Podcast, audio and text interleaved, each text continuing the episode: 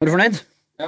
Vi tar bilde av deg neste uke. Ja, De mener at T-skjorta mi er for stygg til å ta bilde av meg i dag. Hva syns du om det? Uh, jeg er ikke Er det harassment på Det jobb? skal være til commercial, liksom. Hvordan er vi der? Du tatt Du kan jo ikke snu du Det står sponsa, Nike på da. den, da. Det står Nike på den, så kanskje ikke.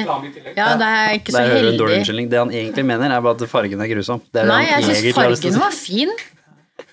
Men at det står Nike, Nike, Nike, det er kanskje ikke helt uh... Den andre og tredje er litt sånn i tilfelle du ikke fikk med deg den første, vet du. Ja, det. Ja, var det som på en måte er problemet her. Da, da kan dere gå og snakke sammen om hvor stygg T-skjorta mi er, og så skal jeg snakke om psykisk helse isteden. Føler jeg trenger det nå. Jeg vil bare at du skal vite hvordan jeg har det. Det er ikke noe enkel historie å stå frem og fortelle. Angst er kroppen som sier fra om noe. Dette er Hverdagssyken, podkasten hvor vi sammen med gjester, både eksperter og vanlige folk, tar for oss de tabubelagte temaene og mental helse i hverdagen. Velkommen. Velkommen tilbake til eh, Hverdagssyken, og velkommen for eh, første gang i podkasten til begge dere to. Det er ikke første gang for deg, Ingrid, fordi vi har jo intervjua deg, som vi snakka om i stad. Men velkommen til podkast. Takk for det. Takk, takk. Det er alltid litt sånn spennende når jeg sier liksom 'velkommen til podcast', og så ser jeg liksom på gjestene mine. Og så Og sånn, så glemmer vi at det er podkast. å ja, vi skal svare, ja. Men ok. Ja, det er velkommen. Jo, takk. Hyggelig å være her. Veldig bra. Og så har vi alltid Vi har jo satt på record for lenge siden. Litt sånn for å liksom ha litt sånn jovial greier i starten. For at man ikke liksom skal hoppe rett inn i sånn blodig alvor. Så da liksom finner vi ut av hva det viser hva vi snakket om i stad som, eh, som passer seg på en podcast, og så legger vi det noen sekunder i starten. Ja. Jeg tror ikke dattera mi vil sette pris på å bli utlevert om grønnsaksvanene sine. Jeg tror nok ikke det er det som eh, blir valgt. Jeg tror nok det går mer på T-skjorta mi eller et eller annet sånt, tenker jeg. Det er det vi starta med nå. Men i dag Nå er det jo dagen altså. Vi sitter jo her 10.9. og spiller inn.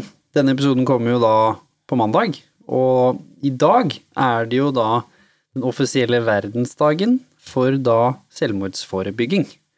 Så det er det vi skal snakke om. Vi skal jo da snakke litt om eh, både hvordan man kan måtte havne i selvmordstanker og i selvmordsproblematikk. Det er derfor jeg er og du er her, Ingrid. Em, og jeg er nå her for så vidt uansett, men jeg har litt ekstra erfaring på det. Uh, og så har vi med oss uh, deg, som skal få lov å introdusere deg snart, som da skal snakke om selvmordsforebyggingen. Hvordan gjør vi dette? Hva blir viktig? Nå står vi jo midt i valg òg, så kanskje vi kan liksom dra det helt opp til toppen, liksom. Hva kan samfunnet gjøre? Og så tilbake ned på vanlige folk. Hva kan vanlige folk gjøre med saken? For dette er en viktig problematikk som vi nå dessverre ser De tallene går jo ikke ned.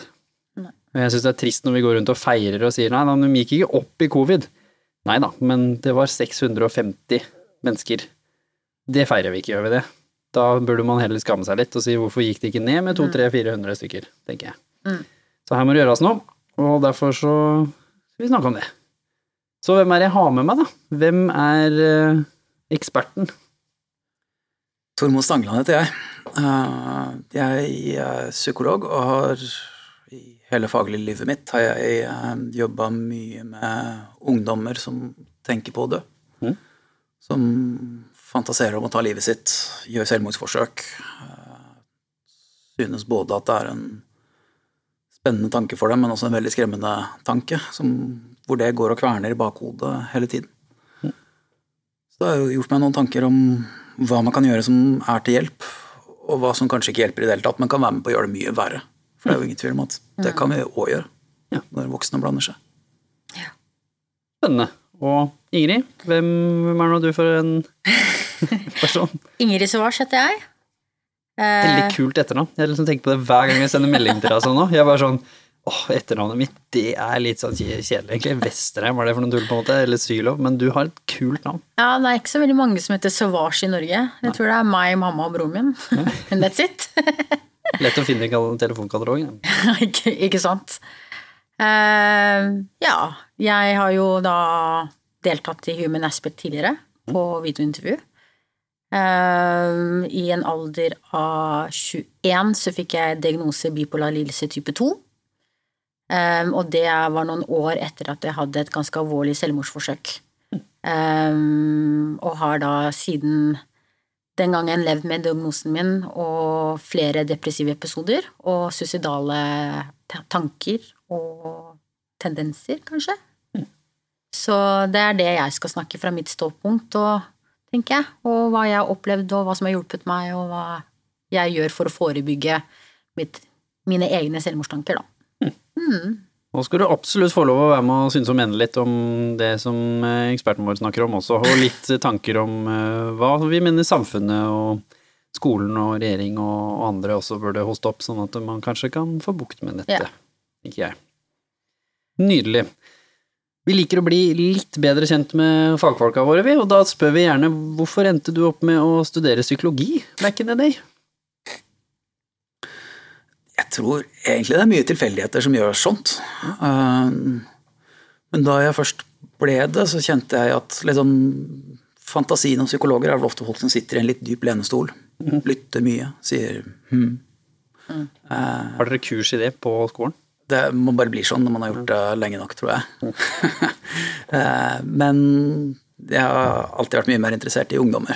Og det teamet mitt holder på med, er å dra hjem til folk, ut, treffe folk som er midt oppi en krise. Og da er det lite tid til lenestol og humming. Så det er jo en jobb med mye uforutsigbarhet og mye Komme tett på folk i situasjoner der det ligger mye i potten. Der det har en del å si om, om vi hjelper til, eller om vi gjør det verre. Og det har gjort det veldig meningsfullt for meg hele veien. Ja, fordi det var på en måte hvordan gikk du fra at det var litt sånn tilfeldig at man studerer, til at man går på en måte ned i noe av det tyngste av materien? Da? Hvordan, hvor liksom, hva var det som gjorde at det ble så spennende med ungdom, og, og at dette var noe som du tenkte her, dette må jeg bidra? En ting som er veldig spesielt med ungdommer, er jo at ofte skjer det for første gangen. Mm. Det er første gangen du havner i en situasjon hvor fremmede kommer og spør deg ut om dine innerste, mest private tanker. Eh, Og du aner ikke hva du skal svare. Og hvor, hvordan fagfolkene oppfører seg i den situasjonen, blir jo veldig avgjørende for om du tenker at dette var hjelpsomt, eller dette her er dritskummelt. Jeg skal ikke tilbake til det der igjen noen gang. Store konsekvenser, ja. Men det får det. Ja, Hvordan er det å stå i det, fra ditt eget perspektiv? Sånne store konsekvenser. Er det, jeg er jo konkurransemenneske, så jeg er jo litt sånn som syns det på en måte meg mer sharp. Det, det er nesten så jeg syns det er litt fint. Sånn som at liksom, du kan bare gjøre intervju en gang, kan bare gjøre podkasten en gang, foredrag man leverer til kunder, og liksom, så er man sånn Jeg syns jo det er noe som holder meg litt på tærne, og så gjør det litt mer spennende å jobbe enn hvis jeg skulle hatt en jobb som på en måte Ja, ja, gjør jo bra eller dårlig jobb, det har ikke så mye å si. Hva, hvordan er det for deg med så store konsekvenser, på en måte? Her er det jo veldig store konsekvenser, så da gjelder det jo at selv for oss som har den merkelige jobben som gjør at vi gang på gavn havner i den situasjonen her, så veldig mange av de vi treffer på, så er det den første. Og dermed kjempeviktig. Så det å klare å se et nytt menneske hver gang, og aldri måtte havne inn på autopilot, tenker jeg er noe man må passe godt på, da. Det, men det gjelder jo sikkert for deg også. Det gjør det. Det er jo litt sunt, da. Mm. Jo, eh, Ingrid. La oss eh, Altså, det fulle intervjuet ditt er jo, vi gjør vi jo tilgjengelig der ute også, så det er jo dybden-dybden, og sånn sett hvor man har eh, ekstra god tid til å få full forståelse. Men hvis du, hvis du skal gi oss litt innsikt, kanskje starte med da Hvordan på en måte havnet du inn i den, i den første som du sa, da, som var dette alvorlige forsøket, som du deler også i The Human Aspect? Hva var det som førte deg inn der, for da var jo du også veldig ung. Ja. Eh, nå har jeg Det kom i ettertid at jeg fikk diagnosen bipolar lidelse 2. Eh, men eh, tida før det, fra jeg var ca. 13-14, eh, så havnet jeg i dyp depresjon. Og for å være helt ærlig så husker jeg ikke så veldig mye av tenåringene mine. Jeg husker bare depresjonen, jeg husker bare de mørke tankene. eh, og de følelsene som jeg satt med. Eh, Så den depresjonen eh, vil jeg si varte av og på i flere år. Og til slutt så blei det for mye for meg. Eh, Og det, det selvmordsforsøket som jeg hadde som 17-18-åringen, eh, det kom jo midt opp i et stress i forhold til skole og fullføre videregående og sånne ting, og en periode i livet mitt hvor jeg ikke var, eh, hadde noen gode relasjoner til noen, eh, og heller ikke min familie, og var, eh, følte meg mutters aleine. Og så snakka du jo mye om i stad, når vi tulla litt med det, når vi tok bilder i stad, så husker jeg du snakka mye om Hvis du liksom skal gi et lite innblikk i hvordan det var inni deg, da. Hva, Ja. Hvem var du, og hvordan hadde du det inni deg som gjorde at eh, Altså? Problemet på den tida for meg var at jeg ikke visste hvem jeg var. Uh, og at jeg følte at ikke jeg følte hjemme noe sted. Uh, og det er jo, det kommer av årsaker at uh, Av mange ting. Jeg er adoptert, jeg er oppvokst i utlandet, jeg kom til Norge som tolvåring. Så det er jo en del faktorer som spiller inn der, som gjorde at ok, du står der som 13-14-åring og bare ok, hva er dette her? Du lærer et nytt språk kultursjokk, alle de tingene der. Og så står du jo bare ok, hvem er jeg? Og hvem, hvor hører jeg hjemme? Eh, ikke noe særlig vennekrets pga. litt sånn språkproblemer og kultursjokk igjen. Eh, så for meg så var det bare mørkt. Det var bare 'jeg har ikke noe her å gjøre'. Og det er den følelsen som jeg husker veldig godt, og den tankegangen som jeg hadde på den tida, som var sånn Det her er ikke for meg. Den verden og det livet her er ikke for meg. Og da er det bare å, å melde seg ut, rett og slett. Og altså Du er jo 17, da, det er jo en periode i livet ditt hvor du utvikler deg, og du finner dine interesser, og hvor du hører litt hjemme, og du finner kanskje de vennene som du vil ha livet ut, og, og, og du på en måte vokser som person. Og for meg så følte jeg at jeg ikke kom noe sted i forhold til um, utvikling eller noen ting som helst. Og det var veldig, veldig Alt var jo følelsesbasert, selvfølgelig. Um, og den mørke, mørke, mørke mørke tiden for meg blei jo rett og slett for mye. Jeg husker jo også med meg, så begynte også når jeg var 13-14, men nå hadde jeg på en måte den tøffeste tiden også når jeg var 13-14, med mine planer, og, og da var det jo også at måten jeg så på meg selv på til slutt, var såpass destruktivt i den tanken at for meg da i det hele tatt komme på tanken for eksempel at jeg skulle hatt verdi for andre, selv om de viste det. Altså, jeg har liksom aldri nødvendigvis sagt at det var sånn at ingen rundt meg viste at jeg hadde verdi. Det gjorde de helt sikkert. Jeg hadde liksom Mamma var der, hadde liksom bestemor, hadde noen, sikkert noen bekjente og venner også som sikkert på sitt vis viste at jeg hadde verdi. Men i mitt hode så Uansett om jeg fikk til ting eller ikke fikk til ting, for vi alle har jo perioder hvor vi får til noe og ikke får til andre ting, og så ble det litt verre, men jeg forsto liksom ikke hvordan jeg skulle ha noe verdi, for det var så vanskelig for meg å føle at jeg passa inn. Jeg klarte ikke å tilpasse meg de andre til å være en del av flokken. Jeg klarte ikke å være den hvite sauen, på en måte, som passa inn. Jeg prøvde noen sånne småting, men det bare bydde meg så mye imot. Og når jeg da prøvde å være den, den sorte sauen, da, på en måte, så den sorte fåret, som var mer meg selv, hvis du skal kalle det det, så var det så langt unna noe jeg følte hadde verdi i det samfunnet som jeg vokste opp i. Jeg var en mann og gutt som kanskje trakk mer mot uh, de feminine verdiene i form av å snakke mer om ting, mer emosjonell, dypere refleksjoner. Hadde liksom andre tanker om mennesker, snakket ikke om jenter på den samme måten som de rundt meg. Da var det liksom Det var ikke bra. Og i tillegg så følte jeg meg stygg, liksom mye som du snakket om, som vi tullet om med, med bildene i stad. Jeg følte genuint at jeg ikke var et pent menneske, både i form av det estetiske, på en måte, men, men også i form av hva jeg gjorde og bidro med. Så jeg bare var feil, da, som du sa, og følte at hvis jeg var borte, så på en måte ville verden være et bedre sted. Ja, og den følelsen av verdiløshet, den kjenner jeg meg igjen i. Eh, og jeg husker veldig godt, og jeg tror kanskje jeg var sånn 14-15 år da jeg fikk den tanken at Og det er en tanke som jeg har hatt, eller ikke hatt, men som jeg husker så godt, da. Og det var rett og slett Det er noen her i verden som får kjærlighet, og som fortjener kjærlighet. Jeg er ikke en av de. Så da får jeg være den personen som, som tar imot alt det andre. Og så kan vennene mine og familien min og de rundt meg, de få den kjærligheten og omsorgen som de fortjener. Men jeg fortjener ikke det. Og for hva har jeg gjort, og hvem er jeg? Hva slags verdi har jeg? Og den verdiløsheten, den, eh, den er tung å bære. Den er vanvittig Jeg vil, jeg vil si nå, i så mange år etter, si at eh, det å føle at man har en verdi og ha en mening, for andre mennesker og for seg sjøl, det er veldig, veldig viktig. For det er så tung å snu. Det var liksom det som jeg følte Ja. Det hjelper ikke da bare å plutselig bli likt av en jente, eller plutselig få et kompliment, eller plutselig gjøre det bra på en prøve, fordi liksom du har allerede etablert at verdien din er ikke til stede. Den er ikke basert på resultater engang. Den er liksom bare basert på en sannhet, om at sånn er det. Og da begynner du jo selvfølgelig å sammenligne.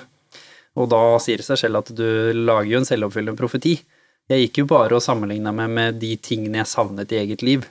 Og så fant jeg de i forskjellige folk, så jeg bare sånn, ja, de har et godt forhold til mammaen sin, de har kontakt med sin biologiske far, de har to venner, og så putta jeg det sammen til at alle de andre var én, og de hadde alt. Og jeg hadde ingenting.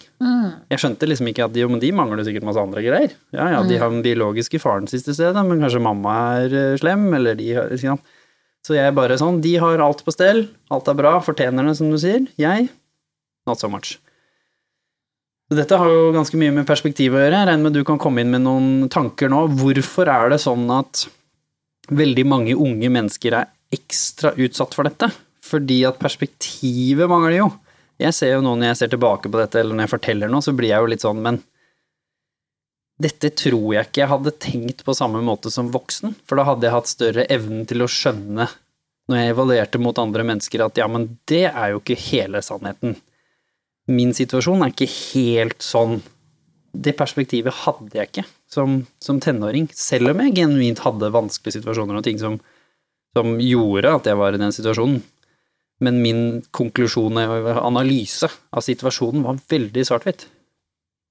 Hva er det som egentlig skjer eh, med ungdoms eh, som kanskje gjør ungdom spesielt eh, sårbare for tøffe situasjoner? Og spesielt når det kanskje da utfordrer noe så tøft som verdi, da. Det er veldig eh, nyttig for meg å sitte og høre på dere når dere prater. Um, For nå kommer jo dere som den gode voksenversjonen av dere selv. Samtidig som dere forteller om ting som skjedde da dere var 13-14-17. Mm. og neppe hadde så mye avstand til det at jeg, jeg tror at hvis dere hadde kommet i denne alderen, så ville dere ikke ha fortalt om det på denne måten her. Nei. På ingen måte. Nei. Det, um, det er i hvert fall veldig typisk for mange av de jeg treffer på som er i den alderen. Jeg tror Jeg tror de fleste har uh, opplevelser som ligner veldig på det dere forteller. Altså, jeg kjenner ordentlig igjen. Det med Hvordan var det du sa det i stad, Jimmy? Altså, uh, jeg hadde en idé om min egen verdi, uh, og det var bare en sannhet. Ja, altså, jeg kunne ikke gå har du tapt, på en måte. Ja.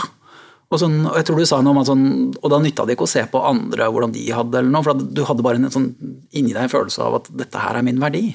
Og den hang ikke sammen med en, en objektiv analyse, den hang bare sammen med en sannhet. Så det var uansett hva andre sa eller pekte på, eller jeg selv opplevde, for det var jo ikke sånn at jeg bare hadde negative opplevelser i årevis her. Det var jo visse prøver eller visse En jente som blunka til deg som du likte, eller sånn.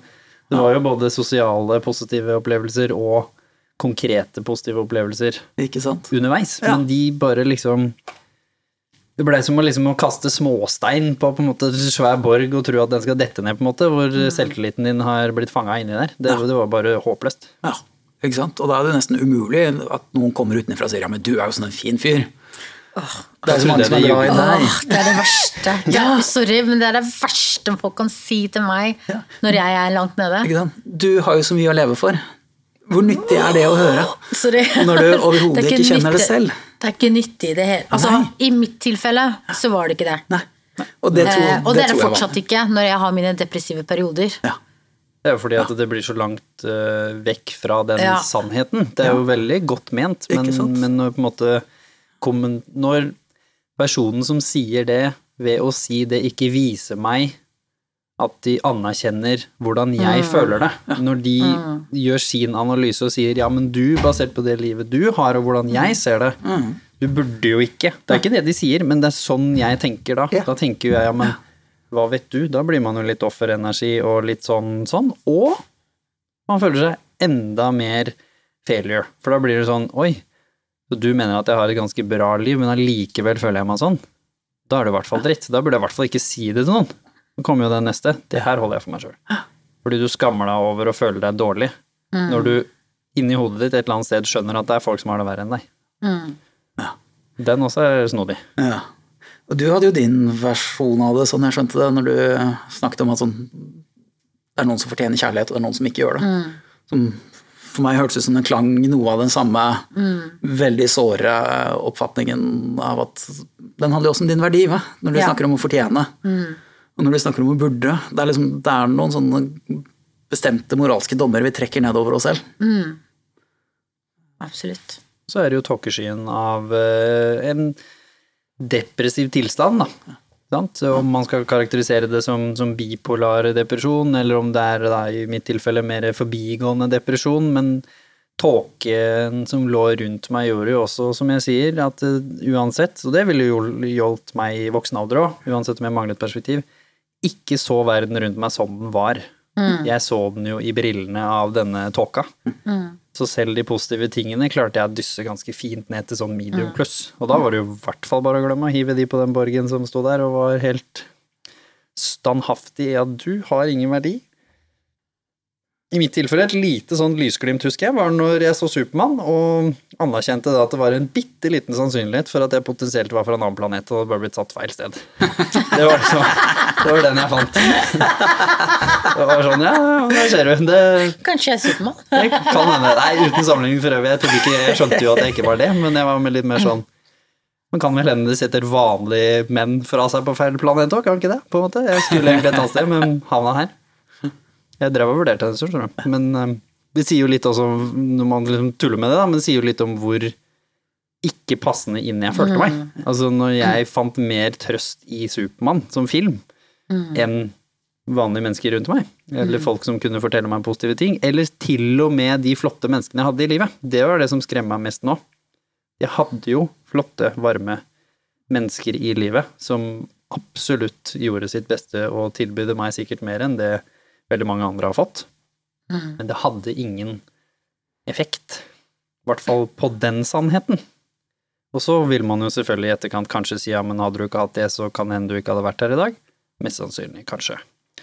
Men på den sannheten så var de forsvarsløse, på en måte. Ja, Og der og da så prellet det av.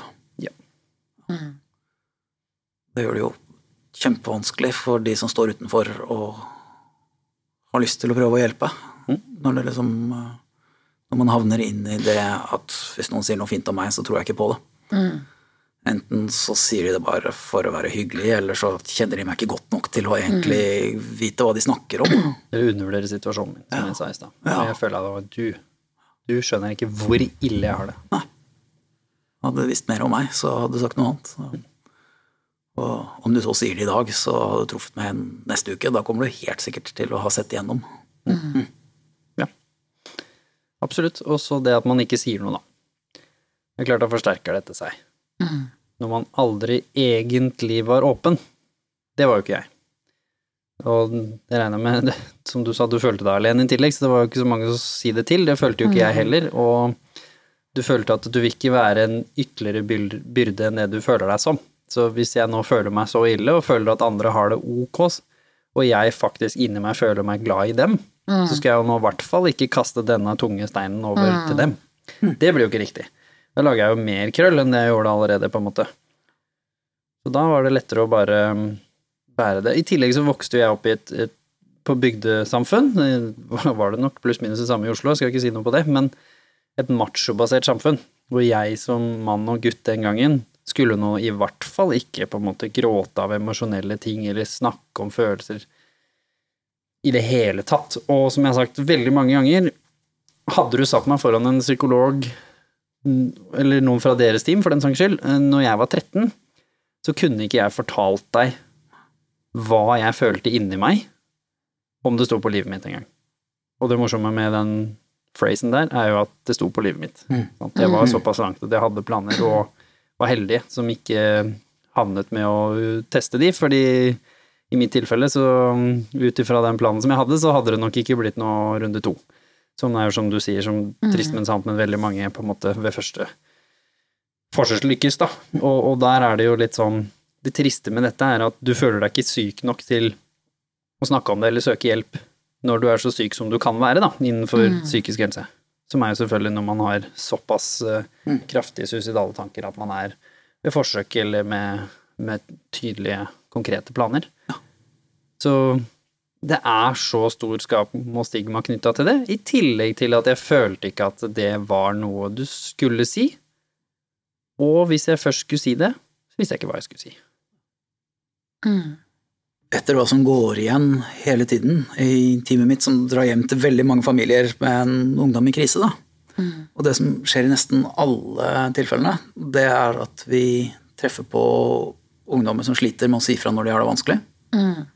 Og i tillegg til det gjør alt de kan for å skjule at det er noen problemer i det hele tatt. Samtidig sitter de gjerne og føler seg veldig lite sett, ensomme og utafor. Og det er jo litt av en selvmotsigelse. At du, liksom, du bruker alle kreftene på at mamma og pappa skal i hvert fall ikke få vite. Samtidig som du føler deg lite verdt og lite sett, fordi de skjønner jo ikke hvor ille jeg har det. Ja. Man bruker liksom alle kreftene sine mot seg selv. Det er ganske interessant, for etter at jeg var her og gjorde videointervjuet mitt, så fikk mamma få lov til å se det. Det var jo en god time med meg som satt og fortalte om mine oppløsere følelser fra da jeg var yngre. Og jeg var veldig nervøs for at hun skulle se det intervjuet, fordi hun vet veldig lite om hvordan jeg hadde det på den tida. Og så ringte hun meg, og så sa hun du burde bli skuespiller. Fordi jeg hadde ingen anelse om at du hadde det sånn da du var yngre. Hun hadde ingen antydning til at jeg var så deprimert og hadde det så ille og så vondt. For du virka helt fin. Og det er jo veldig typisk. Sant? Ja. Det er jo veldig vanlig, og mange som sier det. Og jeg sier jo det noen ganger når jeg snakker mye om det til ungdom eller i foredrag til bedrifter og sånn, så sier jeg jo at jeg har jo aldri hatt mer lyst til å bli sett noen gang i mitt liv. Jeg har mye mindre lyst og behov for å bli sett nå, men det hadde de gangene. Men samtidig så hadde jeg aldri vært lenger unna av å si det til noen heller. Samtidig. Så det er jo som du sier, det er jo en sånn enigma. og det er det som er så skummelt òg. Ja. Ikke sant? At eh, ofte så, så Altså det, jeg tror det er en sammenheng med at du ikke har lyst til å være en byrde for andre og de som er rundt deg, samtidig som du ikke vet hvordan skal jeg kommunisere de tankene jeg har. For det er jo kanskje litt skambelagt også. At man går og kjenner på de tingene og, og, og tenker på de tingene.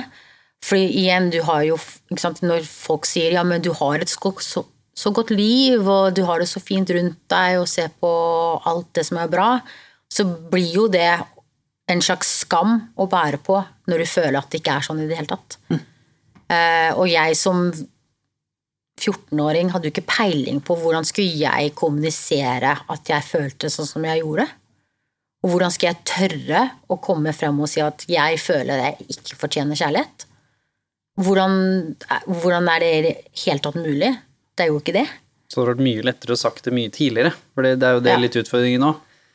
Tidligere, når det bare var mobbing, så prøver du å si fra. Da sier du fra. De fleste barn ymter jo jo frempå at ting lugger litt da. Eller hvis man kanskje ikke føler seg sett, eller man er lei seg fordi du ikke har en liksom, biologisk pappa, eller at man ikke ville hente deg, eller at han kom for seint, eller, Mm. liksom, eller at det er noe vold, eller hva nå enn det skal være, da. Så sier du gjerne litt ifra, prøver litt på din egen måte, blir kanskje ikke godt nok hørt, og så utvikler dette seg til å bli verre, og så blir du mer og mer stille, og når du kommer der hvor du virkelig må nesten si fra for at ting skal gå veien, nå er du så langt unna. Der hvor det var lettere å snakke om det. Nå er det jo bare å glemme, fordi nå har du ikke ordforrådet, så det har du mista for lengst. Og så har du prøvd, tror prøvd, du selv. Tror du, ja.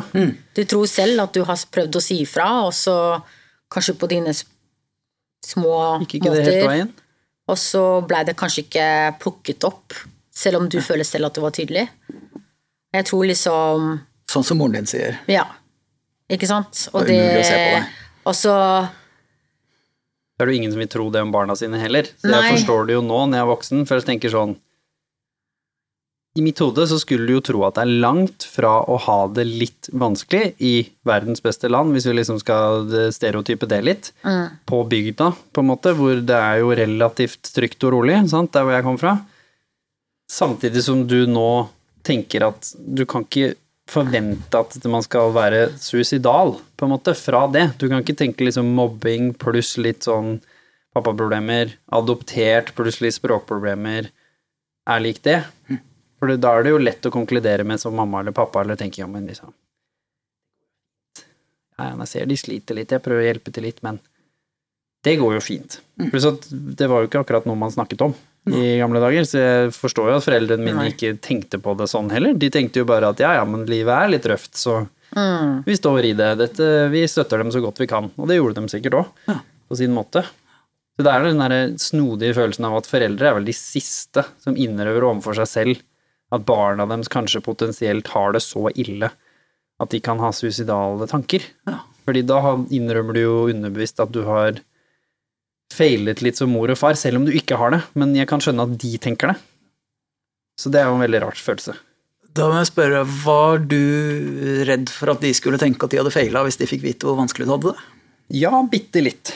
Men kanskje enda mer redd for at jeg hadde feila med det de ga meg, på en måte. Uten at de nødvendigvis ga meg noe alt eh, perfekt eller riktig, men jeg følte jo, som jeg sa, jeg visste jo at andre hadde verre enn meg. Ja.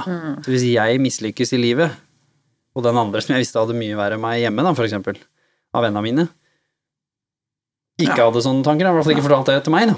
Så sitter du jo der og sier liksom, ja, men dette er jo mislykka one on one. Der fikk du bekrefta det tårnet ditt. Du er ubrukelig, du. Ja. Du er Ja, det er Så foreldra kunne bli skuffa hvis de fikk vite hvor dårlig du takla livet ditt. på en måte. Ja. Ja. For det lurer jeg jo på, altså, om dere var mye redd for hvordan foreldra, eller andre viktige, da, ville reagere hvis de fikk vite. For meg så var det veldig spesifikt, for jeg er jo adoptert. Jeg er adoptert av en mor som var, var og fortsatt er enslig. Så hun jobba veldig hardt for å adoptere meg og broren min samtidig. Så for meg så var det alltid den tanken at ok, her er det en person som har jobba ræva av seg for å gi meg et liv som jeg ikke ville hatt uten henne. Uten henne så hadde jeg havnet på gata i Filippinene og kanskje på et barnehjem og hatt et mye verre liv enn det jeg har nå. Så hvorfor skal jeg sitte her og ha det så vondt, og ikke være happy og fornøyd med det jeg har? Ikke sant? Og det å si til mamma at nå, nå, er, jeg, nå er det så mørkt, og jeg føler at jeg ikke fortjener kjærlighet, det vil jo være som å si jeg føler ikke at du har gjort en god nok jobb med å adoptere meg. Ja. I, den, I det tidspunktet der, som tenåring. ja. Det er en heftig tanke å ha. Det er en veldig heftig tanke, men jeg husker at jeg bare Ok, hun, okay, hun har gjort en jobb for at jeg skal være her, og hun har gitt livet mitt eh, en helt annen eh, tilvenning enn eh, det ville ha hatt, hadde vært uten henne. Så hvis jeg da skal sitte her og klage over at eh, jeg ikke har venner og jeg føler det sånn som jeg føler Altså, det er den største gaven hun kunne gitt meg av kjærlighet, var adopsjonen. Og jeg alltid, siden jeg var bitte liten, alltid visste og følte at eh, det mennesket her har uh, elsker meg så mye at eh, hun har funnet meg. Det må være meg. bra nok, på en måte. Det må være bra nok. Og da komme og si at mm, det er ikke så bra likevel. Det vil jo være som å Verdens største fornærmelse, følte jeg på den tida. Mye av det samme som jeg følte også, med mamma og jeg var jo dette hendige uhellet, og at jeg hadde en stefar som kom inn etter bare ett år, så han var på en måte adopterte jo meg, hvis vi liksom skal kalle det det. Tok på seg meg og likestilte meg med søsteren min, som da de fikk senere, som var jo hans barn, og liksom følte på det at jeg kunne jo ikke være lei meg av at jeg ikke hadde pappa, for jeg hadde jo en pappa, men jeg bare hadde ikke han som hadde på en måte vært med å skape meg, hva nå enn det skulle bety. Og som du sa, at mamma var alene, valgte å ha meg før hun. Liksom, det var så mye i dette som følte at ja, men de har jo lagt så mye innsats i at dette skal gå bra for meg. Og så hadde de selvfølgelig historier og ting de hadde fortalt meg om hvorfor de flyttet fra Trondheim, og ting hadde vært tøft og det tøffere ikke sant, i mitt hode enn det jeg hadde det. Så jeg ga ikke plass til å anerkjenne mine Jeg fikk ikke lov i mitt eget hode til å sørge over at min biologiske far ikke ville ha noe med meg å gjøre og at eh, han var et sånn sett sleit i sitt eget liv, alkoholiker og på en måte sto i sine ting. Det var ikke noe jeg kunne tenke over, for jeg hadde jo en annen en som var fantastisk, og det ble jo fortalt hele tiden også, hvor heldig jeg var. Og det var jeg, og det er jeg. Men den sannheten oppå da det du føler, gjør det jo enda mer kompleks. Å skulle innrømme at du går faktisk ikke så bra. Selv om kanskje alle andre rundt meg føler det. Så var jeg veldig ekstrovert. som jeg har reflektert mye om i etterkant med min, min ADHD, så det gjør det jo enda vanskeligere å se. Hadde jeg sittet bare inne på rommet mitt eller hatt dramatisk personlighetsendring, for sånn at jeg var ute og blid og snakka og supersosial, og så plutselig var jeg inne og snakket ord, så hadde det nok vært veldig tydelig for dem at nå er det noe som skurrer. Men jeg var ikke det heller, det det er jo gradvis. Så jeg blei mindre sosial, men jeg var fortsatt på fotballtrening, fortsatt på skolen, fortsatt Og de visste jo ikke at på skolen så var jeg jo ikke med noen, eller bare spilte idrett, fordi det var det eneste stedet hvor jeg ble godkjent. Onkelen min var vaktmester på ungdomsskolen en liten periode. Og når du som ungdomsskoleelev går og sitter med onkelen din og snakker med han i storefri, og gjemmer deg der og spiser lunsj, istedenfor å henge med kidsa, da er det noe gærent. Fordi uansett hvor kul onkelen min var, han var kul, men du går ikke og henger med onkelen din som eh, 13.-16-åring. Da er det andre ting som er mer spennende, burde være i hvert fall, i storefri, enn å sitte og prate med han. Men det visste jo ingen andre enn han. Hvorfor skulle han si det til mamma og pappa? For han syntes det var kjempekoselig, sikkert, og følte jo at det bare var hyggelig. Så tror jeg også på den tiden da du og jeg var tenåringer, så var det ikke like kjent disse symptomene eller tegnene på depresjon og angst. Jeg opplever i dag at det er mye mer åpenhet om det, gudskjelov. Um, og at man er mye mer obs på hvordan tenåringene og barna har det. For meg, eh, i tenåringene mine, altså Det er lett å tenke tilbake nå og si at det var jo veldig mange tegn til at ting ikke var greit. Altså, jeg var ofte aleine på rommet mitt. Jeg stengte meg alltid aleine inne på rommet mitt og hørte på musikk og isolerte meg veldig. Men mamma trodde at det var bare Ingrid er glad i musikk, hun. Så er det jo en fase, man er jo Ikke tenåring. sant, det er en fase, og hun er liksom hun er i puberteten, og de humørsvingningene hennes, det må man på en måte regne med. Men jeg tror at hvis eh, det hadde vært nå, så hadde jo hun sett de tegnene for det de var. Da. At eh, det er ikke helt sunt at hun ikke er så sosial, eller at hun ikke Eller jeg husker en gang mamma kom inn på rommet mitt, og jeg satt og gråt, og så skjønte hun ikke hva, hva er det hva er det som har skjedd. Og jeg var jo kjempelei meg, men jeg bare ah, 'Sangen er så fin!' Så jeg bare gråter av sangen, og hun bare 'Ja, men hvorfor sitter du og hører på sangen på repeat?' Jeg bare ja, 'Nei, det, ok, kanskje jeg skal bytte sang', ikke sant. Og det er jo en ting som eh, jeg tror nå had, hun hadde reagert på annerledes hvis jeg hadde oppvokst på den tida som er nå, da. Hvor man har veldig mye mer åpenhet om det, og veldig mye mer kunnskap om det som foreldre. Eh, Min mor hadde jo ikke noe kunnskap i det hele tatt om psykisk helse. Som de fleste på den alderen. Ja, ikke sant? Det får man jo gjerne når man trenger det. Ja, ikke sant? Når det nesten er for seint for mange, Mm, Ja. dessverre. Og hun eh, Og det liksom Det var jo ingen i min omgangskrets som jeg visste om som slet med psykisk helse. Eh, Bipolar lidelse var jo en sånn Jeg eh, har aldri hørt om engang. Nei, ikke sant. Det er sånn, hva er det? Og i tillegg da, hvis du har en diagnose, så er du liksom kan du fort bli, Ja, du kan bli stempla som eh, crazy, liksom. Eh, og for mamma så Hun, hun hadde ikke noe kunnskap om det. Eh, og derfor så så hun det heller ikke. Men det som er spennende og fascinerende med statistikken og tallene, for dette stemmer nok altså, Det stemmer jo. Man vet mer om det, man snakker mer om det, det er mer i media.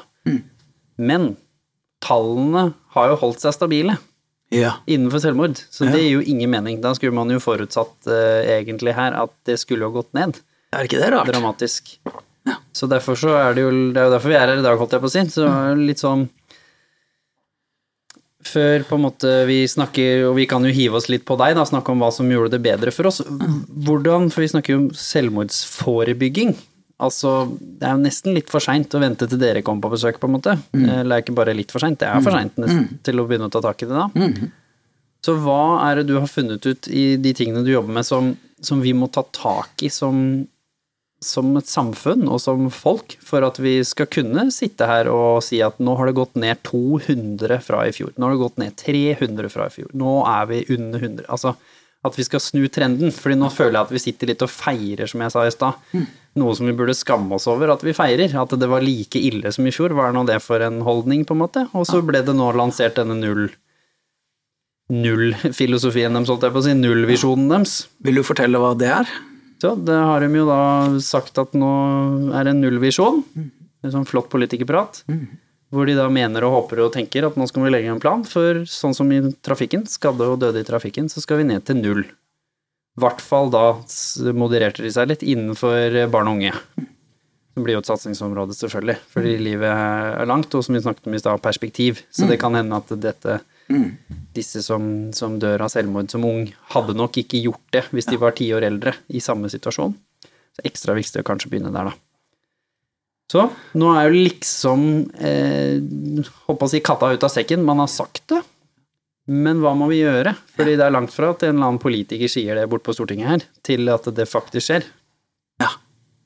Det er jo veldig rart. Altså, jeg, jeg vet ikke om det er noe samfunn i menneskets historie, egentlig, som har brukt så mye penger, ressurser, folk, arbeidskraft, dugnadsarbeid, idealisme, podkaster, eh, på å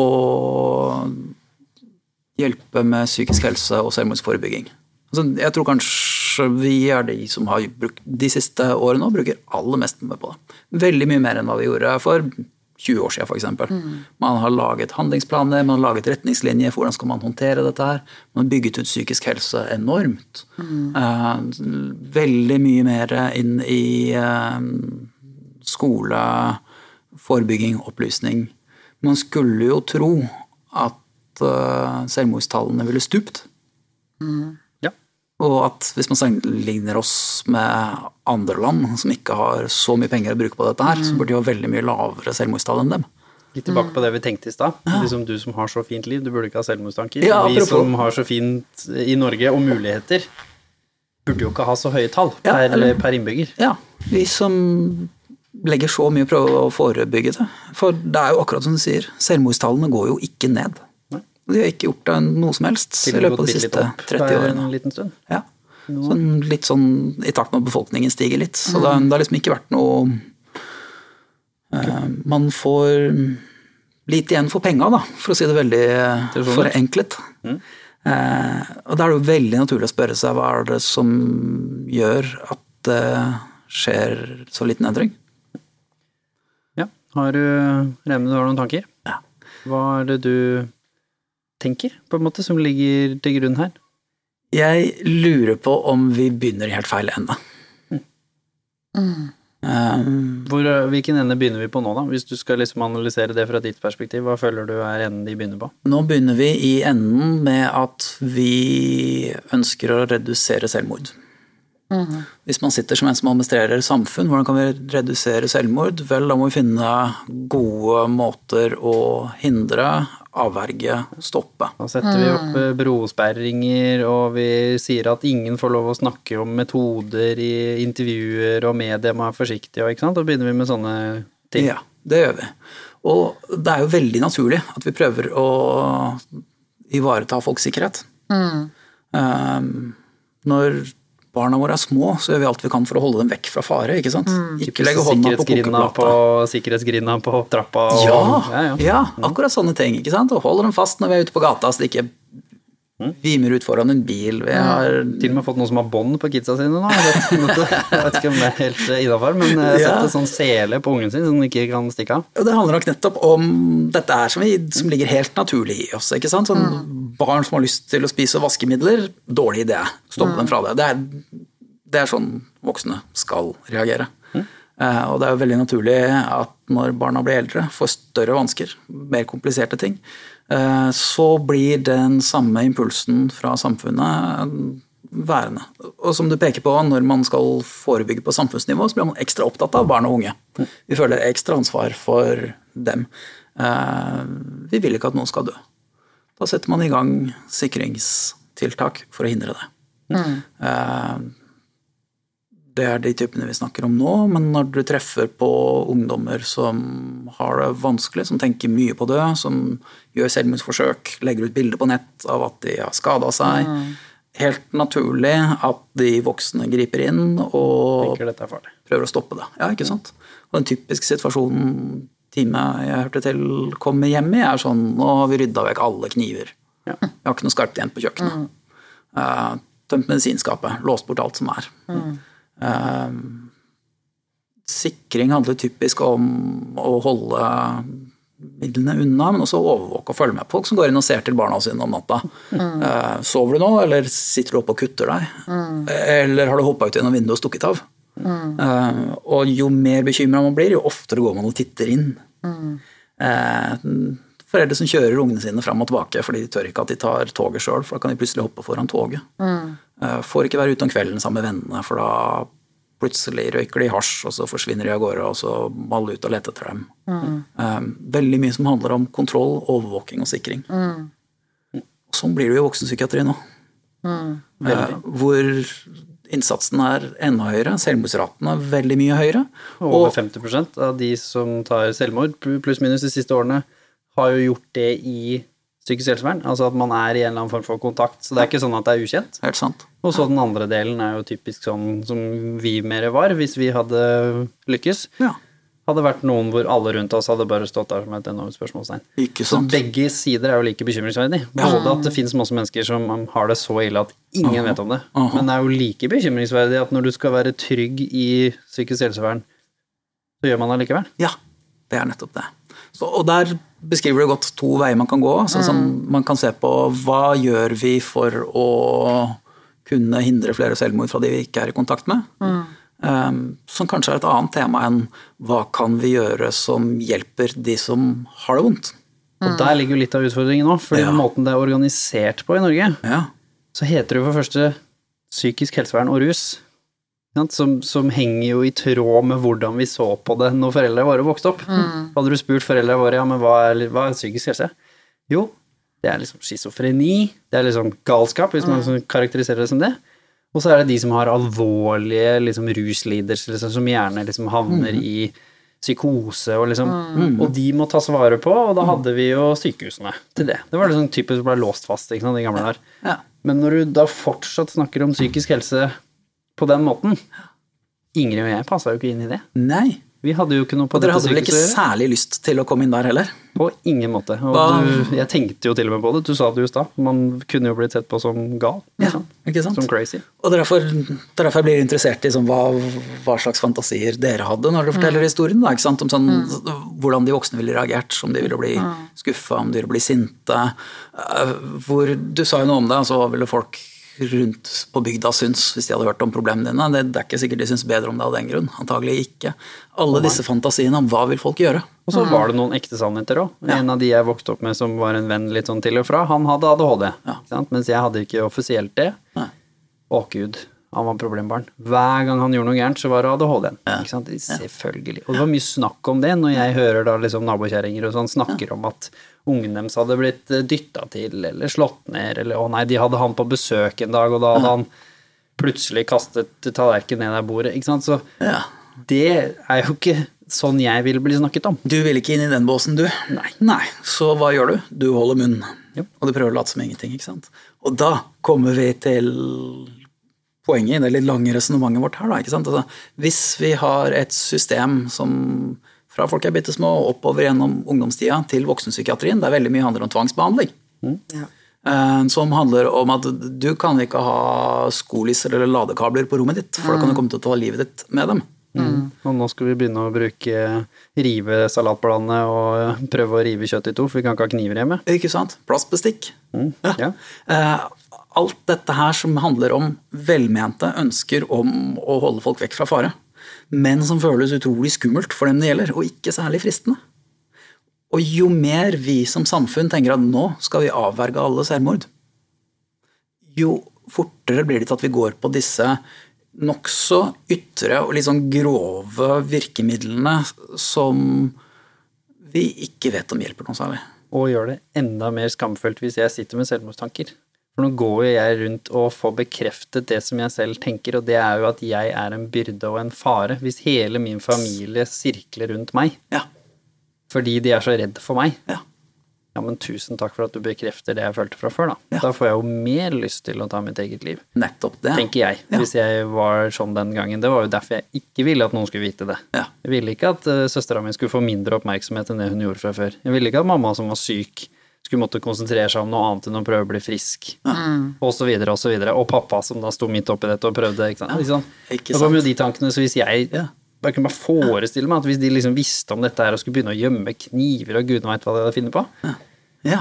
da hadde det virkelig vært natta, tror jeg. Da hadde jeg Da tror jeg jeg hadde blitt eh, veldig mye mer kreativ enn det jeg endte opp med å være i Ja. det forsøket. Ikke sant? Og når vi har tenkt denne tankerekka her, går tilbake til spørsmålet hvorfor blir det ikke færre selvmord? Eh, og hva skjer når vi vedtar en nullvisjon for selvmord? Eh, bare for å si det tydelig, altså nullvisjonen, den siden av det som går på at sånn, det er aldri greit at noen dør, Den er fin. den er det veldig lett å være enig i. Så det er vanskelig å finne noen god diskusjon rundt det, egentlig. Altså, alle er med på det. Er, vi har ingen å miste, er jo liksom mottoet til handlingsplanen her. Da. Og den er jo lett å være enig om. Og den har vi jo fra trafikkulykker, som blir helt annerledes. Fordi det handler jo om en ulykke. Det oppleves jo som unødvendig død. Det er sånn Det var jo den som ingen trenger. Det var et uhell. Mens når man ser på selvmord, som er jo en total livssituasjon som fører til en veldig uheldig, Ja. endelig Ja. hendelse. Ja. Men du kan ikke sammenligne de to. Så hvis du står med 600 til 700 selvmord og begynner å snakke om nullvisjon, Ja. Ja. så er du jo igjen på bærtur. Ja. Fordi hva snakker vi om igjen nå da? ja. Du snakker hva- om topper av pyramiden. Du snakker om selvmord. Du snakker jo ikke om hvordan i svarte Unnskyld uttrykket. Sorry for det, mamma. Havner du på toppen? ja. Vi snakker jo ikke om det under. Nei. Og da er vi jo like langt. Og hva tror du de som administrerer helsesystemet, blir opptatt av når de har Jimmy strenge blikk som sier hvorfor er vi fornøyd med at vi har like mange selvmord som før? Er det noe vi skal feire? Hvorfor går vi ikke etter å ha 200-300 selvmord færre? Sånn som du naturlig eh, påpeker, da. Hvis man sitter som en sykehusledelse, så sier man oh, hvor er det vi kan gripe inn og redde folk fra å dø i selvmord? Det er jo de som er i den aller verste krisa, da. Det er de som er midt i en akuttsituasjon eller rett etter. Um, vi får vel passe bedre på inn på døgnavdelingene, da. For det er det det blir medieoppslag av. Det er når noen er innlagt på sykehus og dør likevel. Eh, Da blir det jo kjempeoppslag i mediene, og folk naturlig nok spør hva er det dere holder på med. Vi trodde jo at de var sikre når de var der inne. Ja, men da får vi ha det passe bedre på inne på avdelingene, da. Det ender jo fort med at du bruker mer tvang. Mer tvang, mer overvåkning av de samme tingene du sa i stad. Ja, som gjør at dette behandlingstilbudet blir mye mindre fristende for dem det gjelder, og antagelig får mye større sideeffekter òg, sånn som dere forteller om. slipper ut folk, hvor vi også vet i statistikken at dessverre veldig mange ender opp med å gjøre det rett etter at de er blitt sluppet ut. Ja. Fordi har sikkert ja, de følelsene vi beskrev i stad. De jeg har intervjuet som har eh, da også eh, vært på en måte sittet inne, da. Ja. I, det, det føles jo litt sånn, nå sa jeg det som å sitte i fengsel, men det er litt sånn fordi det er sånn de beskriver det. Når de kommer ut, så føler de seg jo enda mer aleine. Det kan til og med hende at det hjalp å være litt der inne. Det er mange som beskriver det. Det hjalp litt, få litt pause, hjalp litt eh, slippe å tenke på disse tingene, hjalp litt å bli litt sett og litt hørt. Men så er det jo rett ut og tilbake til null. Der ingenting er forandret. Nettopp. Problemene er som gjorde det så vanskelig for deg i første omgang, som gjorde at du ble lagt inn, de står gjerne pent og venter på deg utenfor. da. Ja, Selv om noen har holdt deg i live i noen dager. Har fortsatt gjeld, dårlig selvbilde, har ikke noen flere som er glad i meg, har samme jobben, samme skolen, Har enda mindre tillit til at jeg klarer problemene mine selv. og jeg har nå blitt behandlet på en måte som om det er noe galt med meg, som er jo det jeg trodde in the first place. Så takk for at du bekrefta det. Igjen, tilbake til null. Ja. Men jeg vil ikke si du bare er tilbake til null, jeg vil si at du er under null. Det holder med deg i den situasjonen der. Og hvis det i tillegg skjer noen som er litt yngre i tillegg, da, som kanskje, eller som har enten veldig yngre som mangler perspektiv, eller noen som har stått i dette i en 10-15-20 år, hvor det har vært mye inn og ut, hvorfor skal du nå gidde, da? Mm. Fordi du har jo også blitt behandlet som et problem i 10-15-20 år. Ja. Det er jo i hvert fall en sannhet. Den borgen jeg snakket om i stad, den har jo blitt mye sterkere og mye større. Ja. Nå hjelper det ikke om du kommer med en svær stein eller en kanon og hiver deg løs på den muren engang, for den kommer fortsatt ikke til å dette ned. Kanskje prelle av bitte litt, men ikke dette ned. Og da, da får jo ikke jeg noe mindre lyst. Da er det bare snakk om et spørsmål om tid. Så det er, blir det 2022, eller blir det 2023, eller blir det 2030? Fett samme. Jeg kommer til å havne på statistikken på et eller annet tidspunkt. Dere, skal vi prøve oss på en dristig tanke, da? Ja. Til spørsmålet dagens tema på selvmordsforebyggingens dag. Hvorfor går ikke selvmordstallene ned? Kan det være at hele denne innsatsen her sånn, som ikke har ført til noen nedgang, til tross for at hjelpeapparatet og oppmerksomheten rundt dette her eh, er større enn noensinne, Masse ressurser.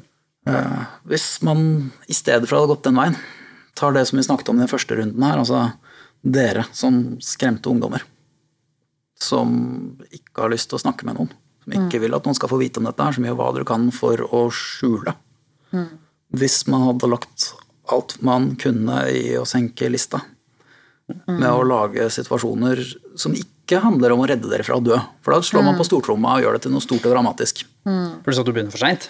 Og det er jo ikke så mange det er snakk om. Nei. Som vi sier, ja, 650 mennesker er forferdelig mange, men allikevel veldig få. Ja, og gruppen av folk som har det som dette, er veldig mye større. Ja. Yes. Altså, av og som er på vei inn. Ja. Eller som kanskje en eller annen gang i løpet av de neste ti årene kan havne der. Det Ja. er jo enormt mye større. Ja. Hvis man ser i det ja, Jeg snakker gjennom det teamet jeg hører til, da, som er i kontakt med kanskje 100 ungdommer, hvor kanskje ingen av dem dør. Det er ikke nødvendigvis fordi vi er så flinke å redde livene deres og sånn, for de ville um, Det er ingenting som tyder på at det er det som redder livene deres. Men hvis disse 100 Vi har alternativet mellom Vi skal først og fremst redde livet deres. Så inn på døgnavdeling. Vekk med skolisser og ladekabler. Uh, veldig forsiktig med permisjoner hjemme i helga. Alt dette. Altså, vi skjønner jo. Dette er å ta folks evne til å overleve nærmest fra dem. Og tenke at her er det andre som skal passe på at dere er i live. Som er nesten det motsatte av det som er en god behandling og en god hjelp. Som er det motsatte av å være en god forelder. Ja, fordi det er jo den tanken om at nei, du må bo hjemme til du, er, til du svimer av, du, fordi du klarer deg ikke. ja. Istedenfor å si, vet du hva, flytt ut når du er 17, jeg skal hjelpe deg å pakke. Fordi jeg tror at dette skal du klare, og så kan du ringe når som helst, og du kan komme hjem når som helst, ja. hvis det skal være behov. Det er en nydelig parallell. Tenk hvis vi kunne tatt den, da. Altså, dette tror vi at du skal klare, og du kan ringe når som helst. Du kan komme når som helst. Og da er det faktisk et sted å komme og et sted å ringe, som Ja. ikke er opptatt, eller som ikke har seks måneder ventetid. Og som ikke trenger å være psykolog, for det er jo det jeg har snakket om veldig mange ganger. Det er et litt innlysende svar, men hvis vi hadde tatt fryktelig Tatt en god chunk av disse pengene, det hadde ikke trengt å være så mye av dem engang, det er det som er trist, og puttet inn i livsmestring, som nå de har endelig åpnet boksen på, på skolen. Og så hadde de gjort et gjennomførende opplegg som gjorde at når jeg var 13, sto i disse tingene, helst når jeg var 10-11-12, når dette begynte, når det ikke var så ille enda, så hadde jeg hatt et emosjonelt språk, en emosjonell forståelse, som gjorde at når jeg kom til så ille, så hadde jeg forstått at jeg har disse følelsene nå. De følelsene er ikke vanlige. De følelsene skal man ta på alvor, og de følelsene kan bli verre. Og de følelsene er ikke farlige å snakke om, fordi det har jeg lært på skolen. Jeg har til og med snakka litt om det på eh, hjemme, fordi hva var det de gjorde når de hadde en enorm hygieneepidemi og pandemi rundt i verden, f.eks. i det afrikanske kontinent? Når vi satte inn styrker der, hvor var det vi begynte? Jo, de begynte med informasjon og bevissthetskampanjer i skolen. For de visste at barn og ungdom tar med seg den informasjonen hjem, snakker med mamma og pappa, og plutselig så så man at hele familien gikk og vaska henda. For å komme med et veldig banalt eksempel. Det samme kan du ha her. Barna snakker om psykisk helse hjemme. Ta med det til middagsbordet.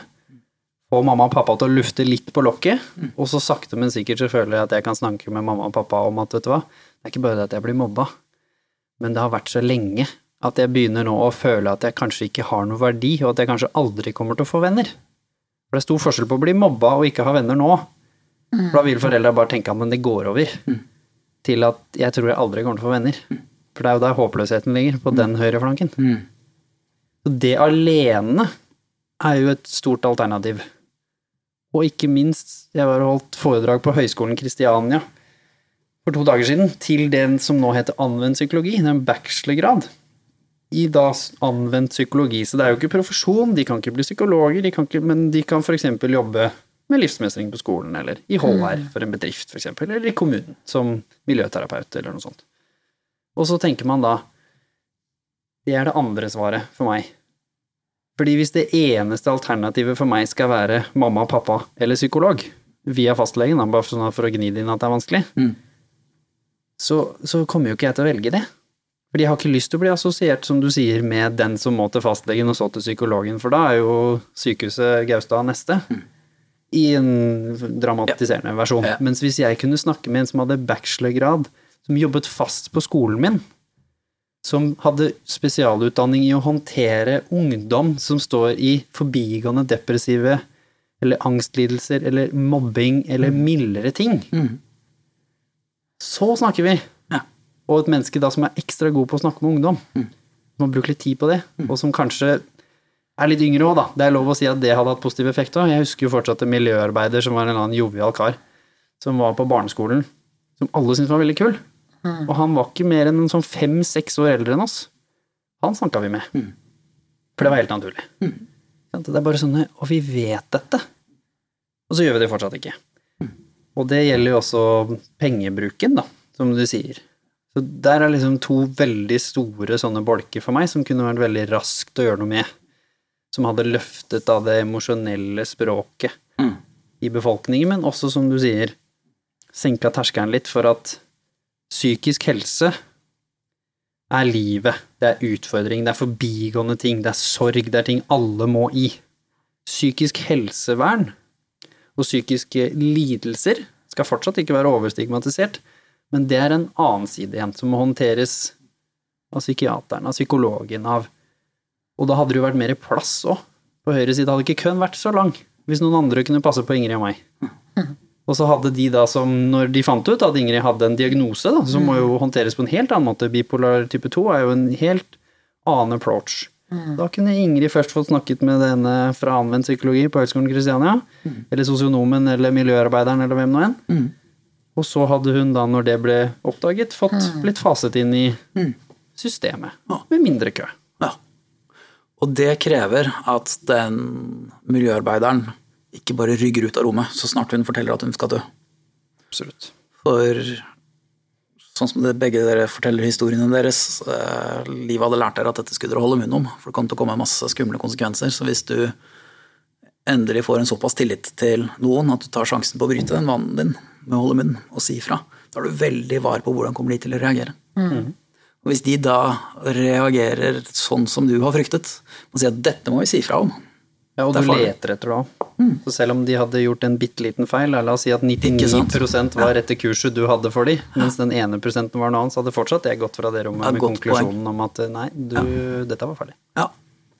Så, og derfor så viktig hvordan de reagerer. Og hvis du da har en som sier 'dette må jeg fortelle alle de andre', katta er ute av sekken, så ender du veldig fort opp der bare med å føle deg eh, svikta, nærmest lurt. Eh, derfor tror jeg at som, en del av skulle man hatt en sånn satsing som du sier, eh, ikke begynn i den enden med å si at det er veldig viktig at vi fanger opp alle som er i selvmordsfare, for å redusere antall selvmord. Vi må bare ta vare på ungdommen vår og lære de bedre å håndtere følelsene og sitt eget liv. Ja. Hvis man kunne hatt det som visjonen sin. Altså. Ingen skal ha det så ille at de får behov for å ta livet sitt. Det er en nullvisjon jeg med fornøyelse ville stilt meg bak. Det er en visjon som kan føre til null, ville jeg heller sagt. Det er nettopp det det er. Ja. Da trenger ikke null være visjonen engang. Visjonen er det du sa nå. Det er ingen i Norge som skal havne i et sted hvor det føles ut som det beste løsningen for den personen. Da har vi feilet som samfunn. Og så er det visjonen, og så tallet er ikke det som er så farlig. Da er vi mer opptatt av at vi nå skal se menneskene helt på venstre flanke, hvor det egentlig bare er livet. Det er litt mobbing, det er at noen ble adoptert, noen måtte bytte by, noen har dårlige foreldre, noen har det er jo de vi må ta vare på. Fordi ikke minst tar du bedre vare på de, så hadde jo de tatt bedre vare på de rundt seg òg. Jeg hadde ikke det samme overskuddet når det var på det tøffeste til å ta vare på søstera mi, f.eks. Mm. Ikke sant? Men jeg hadde jo det litt før det, da. Da var jeg kanskje litt flinkere til det. Liksom også, og, og da hadde man jo også snakket om det på en annen måte. Som du sier, jeg er veldig for åpenhet, det er veldig fint å snakke om selvmord og gjøre det, men jeg er også enig i at vi snakker om det på litt feil måte. Vi har jo utfordret den tanken med intervjuet til, til Ingrid også, men i intervjuet til veldig mange andre òg, og sagt at det er ikke farlig å snakke om metode, punktum. Det er farlig å snakke om metode på en måte som er håpløs, og på en måte hvor det oppfordrer til det, og på en måte hvor man idealiserer det. Sånn som du nevnte i starten her, sant? hvor i noen av disse Instagram-gruppene og Snapchat-gruppene og sånn, så har man jo gjort det spennende og fancy og gøy og tøft. Og liksom, det er jo helt natta og sier seg sjøl hva det kan føre til, selv om det ikke nødvendigvis er entydig der. Men å snakke om metode, og så snakke om vi, ærlig, åpent, og så snakke om hvordan det ble bedre, og så snakke om hvorfor hun nå ser på det sånn som hun snakker i podkasten, det er jo mye mer livreddende enn å skulle saumfare alle mulige artikler og intervjuer og tro at hvis du fjerner knivene, så kommer ikke de til å ta livet av seg. Jeg hadde, når jeg var 13 år gammel, og det er 20 år siden, det er 21 år siden, da var det ikke sånn at vi hadde så mye internett eller noe som helst, så satt jeg i et tre og skulle evaluere alternativene jeg hadde. Jeg hadde 13 alternativer til å ta mitt eget liv. 13. Det var den gangen. Ikke kom og fortell meg at 13-, 14-, 15-, 16-åringer i dag skulle mangle alternativer hvis du gjemmer knivene dine og låser inn medisinene dine, for da har du bomma. Det er ikke der det ligger. Tenker jeg personlig. Men igjen, jeg forstår også tanken med at det short term med noen som er liksom helt på kanten, og de brukte kniven i går. Selvfølgelig så kan det være lurt at du ikke legger kniven frem, på en måte. Fordi da kan de være uheldig impulsive som tenåringer og gjøre det. Så man må klare å ha to tanker i huet samtidig, tenker jeg. Ingrid, hva tenker du? Du som også da har Du har jo også fått positiv hjelp fra psykisk helsevern. Fordi som du sier, altså, du har jo en diagnose, så hvorfor er det fortsatt viktig å ikke liksom glemme at det er jo masse her som fungerer veldig fint, og som for deg har jo vært livreddende. Hvis du ikke hadde fått diagnosen og ikke fått den hjelpen, så er det vel lov å tippe og tenke at det kanskje ikke hadde gått bra. Altså, jeg har stått i, på begge sider av det. Jeg har hatt eh, veldig, veldig god hjelp av psykisk helsevern. Samtidig som jeg har hatt år hvor jeg ikke har vært inne i psykisk helsevern, som var veldig vanskelig for meg. Eh, og det var et valg jeg tok den gangen for at jeg valgte å flytte ut av Norge og bo i utlandet i noen år. Og da ble jo hele det nettverket jeg hadde her i Norge, borte. Eh, og mye av grunnen til at jeg kom tilbake til Norge, var for å komme tilbake til helsevernet. Eh, man kan si, altså man hører så mange skrekkhistorier om psykisk helsevern, og det er det man på en måte Det er det som blir, som du sier, slått opp i media, og det er det folk snakker om, alle disse skrekkhistoriene om hvordan det har feilet, osv., osv. Og, så og jeg tror det er like viktig å fremheve hvor bra det kan være også. Um, I mitt tilfelle så vet jeg at jeg, en av grunnene til at jeg fikk så mye ut av psykisk helsevern, var, for, var min innstilling til det som pasient. Jeg var innstilt på at dette her er en jobb jeg må gjøre, og jeg må utnytte de eh, ressursene som jeg har tilgang til. På en god måte. På en god måte, selvfølgelig. Um, for meg, altså for alle, når det gjelder selvmord, altså det kommer en tid før man blir suicidal. Og det er den tiden som er så viktig uh, å fange folk opp i før de havner så langt at de får suicidale tanker. Eh, og da gjelder Eller det jeg mener, da, er at den stigmaen som kommer med psykisk helse og psykisk helsevern, det er noe vi må fokusere på å fjerne. Eh, nå syns jeg de siste sju årene at det har blitt mye bedre enn det var når jeg var veldig, veldig, veldig syk. Eh, det er mye lettere for meg nå å snakke om mine opplevelser enn det var den, på den tida. For det blir tatt imot på en helt annen måte. Eh, bipolar lidelse nå er mer akseptert enn det var da jeg fikk diagnosen. Fordi at det er mye mer kunnskap om det. Og kunnskap er key. Det er nøkkelen eh, for samfunnet. At folk på en måte skjønner at det ligger mye mer bak det å være bipolar enn å bare være manisk depressiv. Du er opp og ned, du. Ja ja. Ikke sant? Du er, du er to ekstremer. Enten eller. Det er jo mye mer til en bipolar eh, diagnose enn bare det. Eh, og den kunnskapen eh, er viktig for mennesker rundt å tilegne seg, og også få. Og det er avhengig av at folk snakker om det. Og det er derfor jeg er veldig opptatt av å snakke om det. Er å informere mennesker om hvordan det er å leve med psykisk helse. Eller ja, uhelse, som man kan si. Nå syns jeg også det er veldig viktig å, å snakke om to to ting som jeg syns er litt sånn skummelt med det vi Måten jeg føler Først og fremst politikere, men også veldig mange i psykisk helsevern snakker om det. Som, som skuffer meg litt med at de snakker om det på den måten. Den ene tingen er å bare snakke om problemene og snakke om køen og snakke om alle disse tingene, og jeg skjønner hvorfor de gjør det. Fordi de gjør det jo fordi de ønsker å gjøre noe med det. Det er jo knall. Men det er også viktig å si at ja, det tar seks måneder, men hvis jeg da i årevis hadde slitt, og så nå endelig går til fastlegen for å søke hjelp og får beskjed om at det er seks måneder ventetid, veldig dramatisk, veldig uheldig, og jeg har selvsagt en negativ effekt på min psykiske helse, det sier seg sjøl. Men det er viktig at vi sier ja, men da venter du de seks månedene, da. Og nå har du vært tøff. Og det er knall. Og så må vi finne et tilbud til deg i de seks månedene. Et eller annet form for tilbud. Som ikke da kan være psykologen, for de har vi jo ikke flere av, så det er jo derfor jeg må vente i seks måneder. Men også si at ja, men vent nå, da.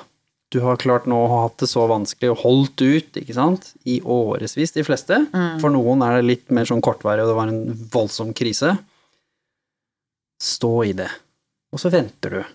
Og så, som Ingrid, så gjør du det beste ut av når du kommer inn, og så er sjansen absolutt til stede for at du nå kan få positiv hjelp i psykisk helsevern i Norge. Fordi som du sa, vi har putta forferdelig mye ressurser i det, så det er jo ganske bra også.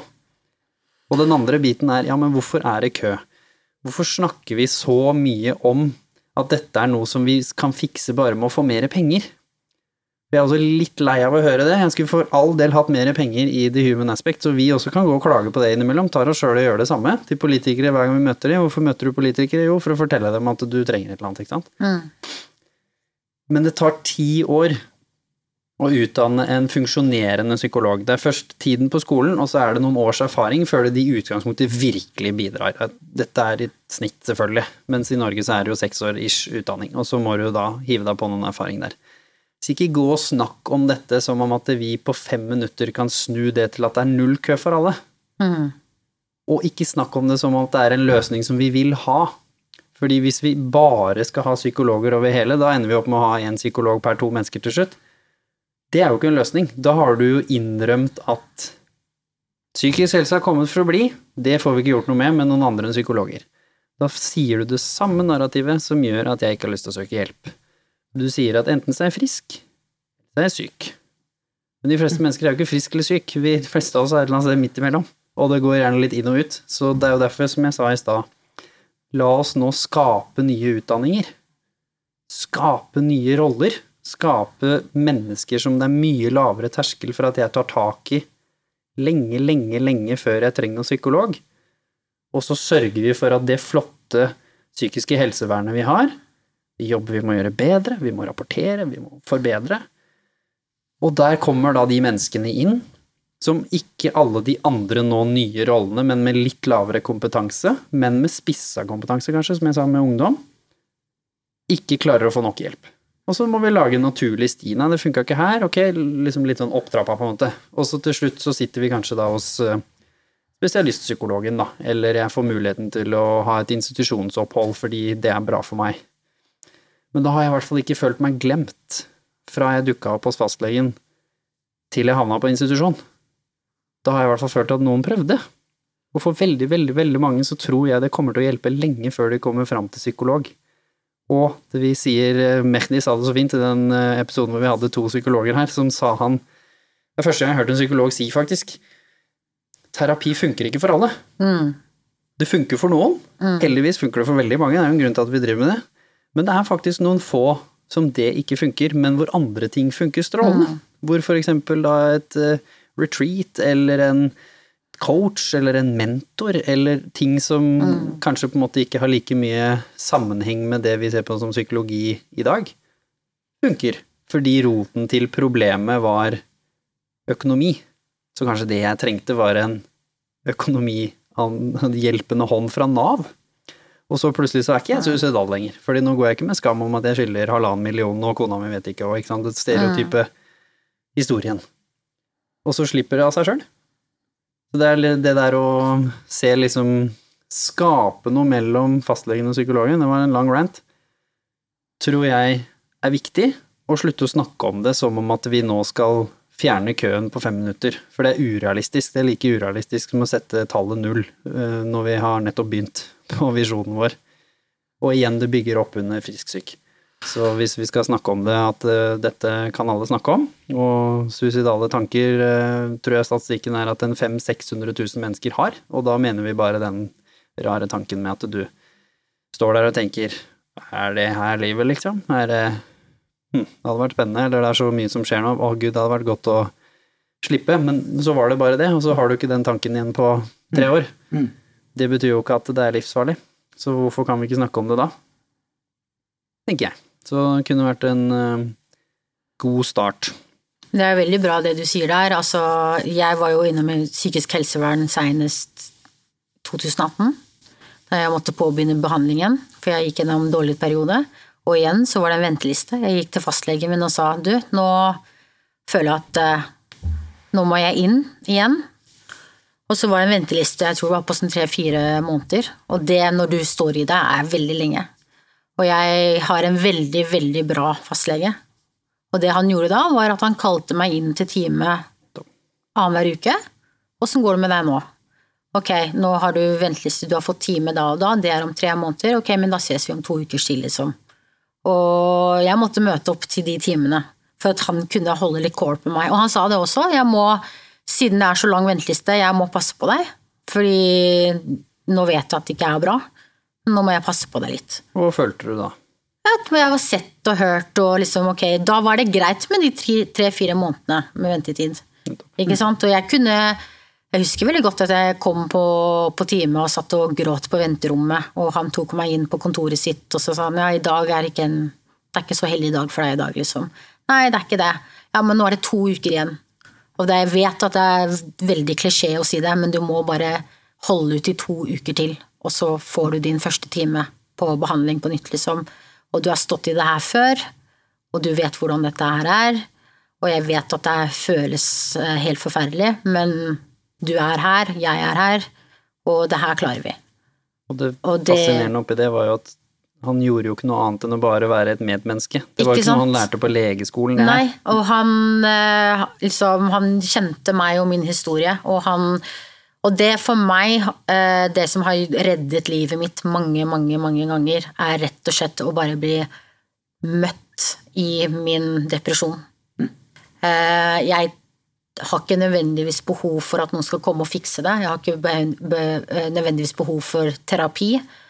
Men at jeg har mennesker rundt meg som møter meg i det og lar meg være i det.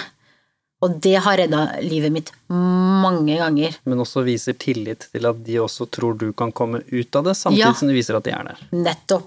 Og det er liksom, det er ikke sånn at de går Samboeren min går ikke og gjemmer knivene når han vet at nå er Ingrid litt sånn Nå er det mørkt for henne.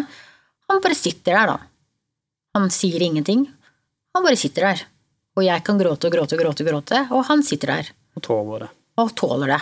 Og han møter meg i det og aksepterer at du er der nå, og det er greit, og jeg elsker deg like fordømt, hvor mørkt det er.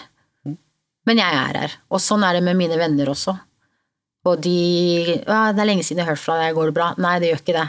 Ok, men da er jeg her. Skal vi Trenger gå du på kino? Skal Ja, ikke sant. Nei, jeg vil ikke. Jeg vil ikke. ikke sant? Du isolerer deg i en depresjon. Nei, men eh, Jeg kommer bort, jeg. Ja, de bare dukker opp, Ja. så er de der. Ja, jeg har ikke noe valg, her, her står jeg. Kom inn, ikke sant, og så setter du på en film, og så sitter du og gråter uten grunn. Og de er de møter meg i det. Og det er det som har redda meg mer enn å Ikke mer, men i mange tilfeller enn å måtte liksom Også disse to tingene finnes Ja. sammen. Du trenger like mye psykisk helsevern innimellom som du Ja. trenger de gode vennene dine. Det er ikke alltid man har tilgang til øyeblikkelig hel- eh, psykisk helsevern. Veldig sjeldent. Det er veldig sjeldent at man kan ta opp telefonen, og så man, sitter man en time senere på et legekontor eller hos en psykolog. Det, og det har lært meg opp igjennom åra at eh, det skjer jo ikke. Så da må man på en måte finne de tingene som eh, kan hjelpe der og da. I de fire månedene som du må vente da, på den timen. Eh, Og for meg så har det vært fastlegen min, og det har vært eh, de menneskene rundt meg som bare møter meg der og lar meg være der. Og ikke prøver å få meg ut av det. Og det er litt det der, ja, men hvorfor det, og nei, men du har det så fint. Eller på det- døde liv skal komme masse løsninger som du da skjønner ikke du burde kanskje trene litt mer, og kanskje du skal spise litt sunnere, eller ikke sant. Ja, men gå og ta deg en dusj, da vil du føle deg bedre. Nei, jeg føler meg ikke bedre av å stå i dusjen, liksom. Det er sånn Det er, sånn, det er bare mørkt. Og sorry, men det får jeg ikke gjort noe med akkurat nå. Og det at det blir akseptert, og det blir tatt imot, og de tåler å stå i det, det har betydd veldig mye for meg. Samtidig som at de tvinger seg litt på, som du sa, og gjør Ja. litt ting som du kanskje ikke vil. Du vil ikke ha Mase besøk. litt. Mase litt. Ja. De tør å liksom bli Å ikke være likt. Mm. Ikke sant? For jeg liker dem ikke så veldig godt, mine beste venner. Jeg er ikke så veldig glad i dem når de står på døra og sier 'nå skal vi Gjøre noe. gjøre noe'. Da blir jeg ofte litt irritert, men de tåler det. Mhm. For de vet at det er det, det er det Ingrid trenger nå. Er at jeg dukker opp og sier at 'nå skal vi ut og gå en tur'. Nei, men jeg vil ikke. Nei, men Ikke så interessert i hva du vil akkurat nå. Du det- gå Du har ikke noe du skulle satt, du. Så kle på deg og, og bli med ut, liksom. Ja. At de tør å ta det stå, eh, ståstpunktet der, liksom. Tør å være medmenneske, og også tør da, fordi det er jo også en litt sånn fin myte som jeg regner med du kjenner på som ekspert også, den derre myten om at du må være en eller annen form for spesialist. På baksiden om det vi snakket om i stad, til slutt her, er jo at vi overdramatiserer hvor flink du må være for å snakke om eh, selvmord. Så det å igjen ha to tanker i hodet samtidig. Ja, vi må gi kursing og spesialkompetanse til de vi vet kommer til å møte mange sårbare. F.eks. som du sa i stad, hvis vi skal putte nye stillinger i skolen nå, de må læres opp. Dere som skal ut og møte, må selvfølgelig læres opp. De som tar imot på kors på halsen eller Mental Helse eller nødtelefoner, selvsagt, de må læres opp.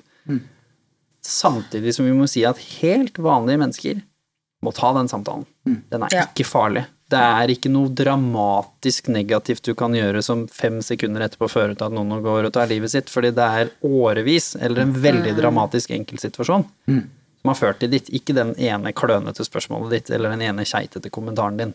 Eller at du reagerte og løpte og gjemte knivene, så du må ikke bli livredd for det nå heller. Så lenge du gjør ditt beste, og kløner litt i det, så er det bra nok som vanlig menneske. Men hvis du er en fagperson eller noen som vet du blir eksponert for fryktelig mange sårbare, eller du har en sårbar ungdom hjemme, da burde du gå og ta det kurset, og få det. Og så kan vi heller jobbe med at alle har det kurset på skolen en eller annen gang. Like akkurat som vi lærer eh, førstehjelp på vanlig måte, så burde vi også lære psykologisk førstehjelp på skolen, men det er en annen del av historien. Men sånn frem til da, ikke vær redd for å snakke med noen, Nei. tenker jeg. Det er veldig interessant å høre på historiene du forteller om hva som hjelper deg når du har det vanskelig. Hvor, sånn som jeg hører det, det du forteller om uh, fine fastlegen din, og det du forteller om fine venninnene, uh, er jo i grunnen det samme. Uh, om folk, du begynte jo med å snakke om den følelsen av å ikke fortjene kjærlighet, var det ikke så? Eh, og disse her står vel for mye, å se at du har behov og ikke kommer til å kreve det selv, og dermed stiller opp og byr på det likevel. Fastlegen som sier du, du må komme tilbake, for jeg er nødt til å følge med på deg nå, for jeg er bekymra. Og venninnene som kommer selv om de ikke har blitt invitert. Fordi de tror de vet hva som er best for deg akkurat der og da. Og det kan vel godt være sant også. Ja. Absolutt. Vi snakket jo om tåka i stad, og den er jo ekte. Så genuint, når man har det veldig mørkt og tøft, så vet man ikke hva som er det beste for seg. Nei. Det som i vår verden, jeg syns det er et ganske nyttig skille, er hvor vi skiller mellom det som vi kaller fysiske sikringstiltak, og det som vi kaller tryggingstiltak. Fysiske sikringstiltak er det vi har vært inne mange ganger. her, Ikke sant? Fjerne kniver, overvåke, sjekke, legge inn, fortelle alle. Ting som holder deg ikke fra fare. Eh, og det kan være at det der og da kan være nyttig. Kanskje der og da redde liv i noen minutter. Det kan godt være. Eh, Men tryggingstiltak eh, er for oss alle tiltak som gjør at du føler deg verdifull. At du føler deg sett og tatt på alvor, at det er noen som bryr seg om Ja. hvordan du har det. Ja. Har du noen eksempler på det? Hva er det for dere i deres verden? Jeg tenker de uh, venninnene som kommer, og hva var det du sa om dem? Altså, de tåler å ikke føle seg likt akkurat der Ja. og da. De tåler å være ulikt. De tåler å at jeg, jeg er ikke så veldig glad i de akkurat der og da. Ikke sant? Jeg kan til og med bli fly forbanna. Og de står i det. Ja. Så de gjør noe som der og da koster dem litt, Ja. fordi de Men det vil deg en vel. Ja. Det skaper en tillit fra meg. At liksom Jeg trenger ikke være redd for å skremme bort Nei. de rundt meg når jeg har det vondt. Som igjen, ikke sant, når jeg var tenåring, det var det jeg var redd for at liksom Mamma kommer ikke til å være glad i meg lenger hvis hun vet at jeg har det så vondt. Akkurat. Men de menneskene jeg har rundt meg i voksen alder nå, som, det er jo vennskap som har vært i mange, mange, mange, mange år.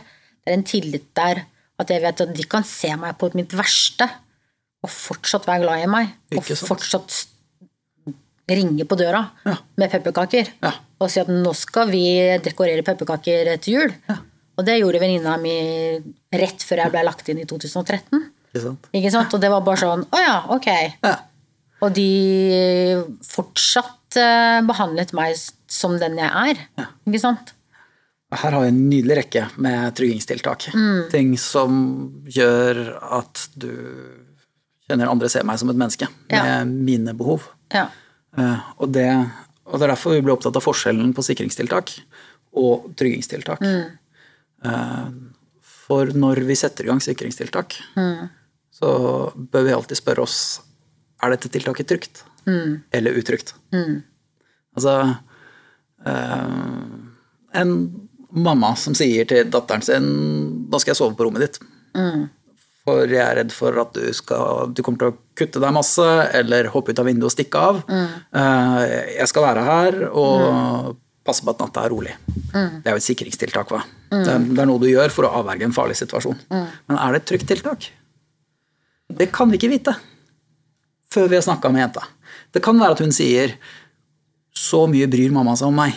At hun vil ofre nattesøvnen sin. Hun som har vondt i ryggen og alt mulig, skal ligge på den vonde madrassen på gulvet, for hun vil være der for meg når jeg har det vanskelig.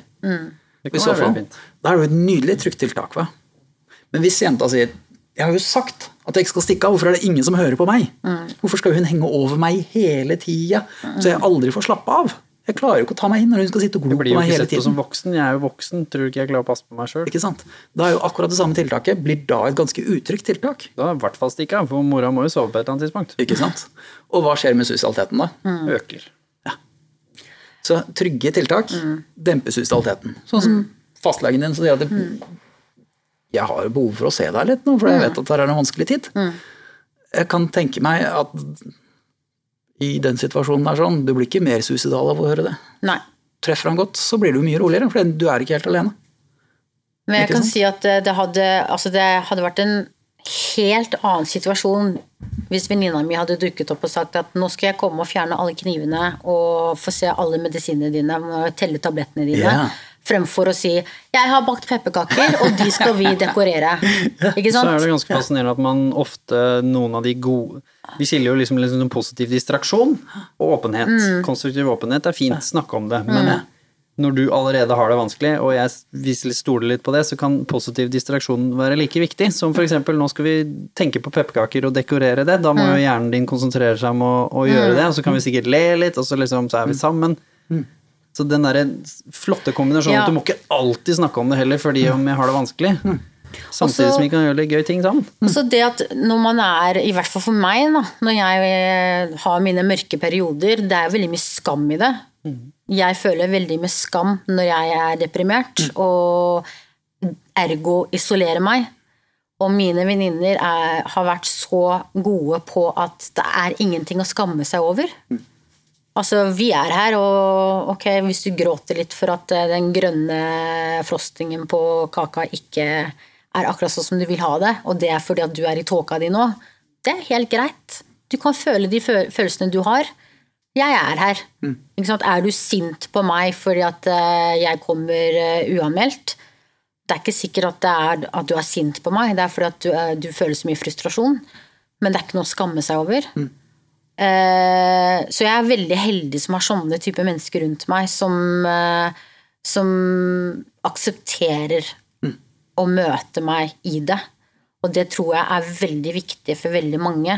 Og jeg har hatt også andre venner som har, opplevd depresjon og har vært, eh, vært i mørket, som jeg kaller det. Eh, og som kommer til meg fordi det at jeg har, vet at jeg har opplevelser med det. Eh, og kunne også da stå i det med de, er jo en opplevelse og en erfaring som har gjort meg eh, veldig mye. Da føles det litt som at alt mørket har noe verdi. Da vet jo du at du plutselig kan bruke det til noe nyttig. Ikke sant? Så er det som du sier at det kunne ha kommet folk med den motsatte, mer utrygge tilnærmingen. Vi må følge med på deg, vi må ha kontroll på deg, vi må vite hva du gjør. Mm. Dette her tenker jeg jo er selvmordsforebygging god som noen. Og antagelig veldig mye bedre for å holde selvmordsrisikoen nede for folk som er i den situasjonen.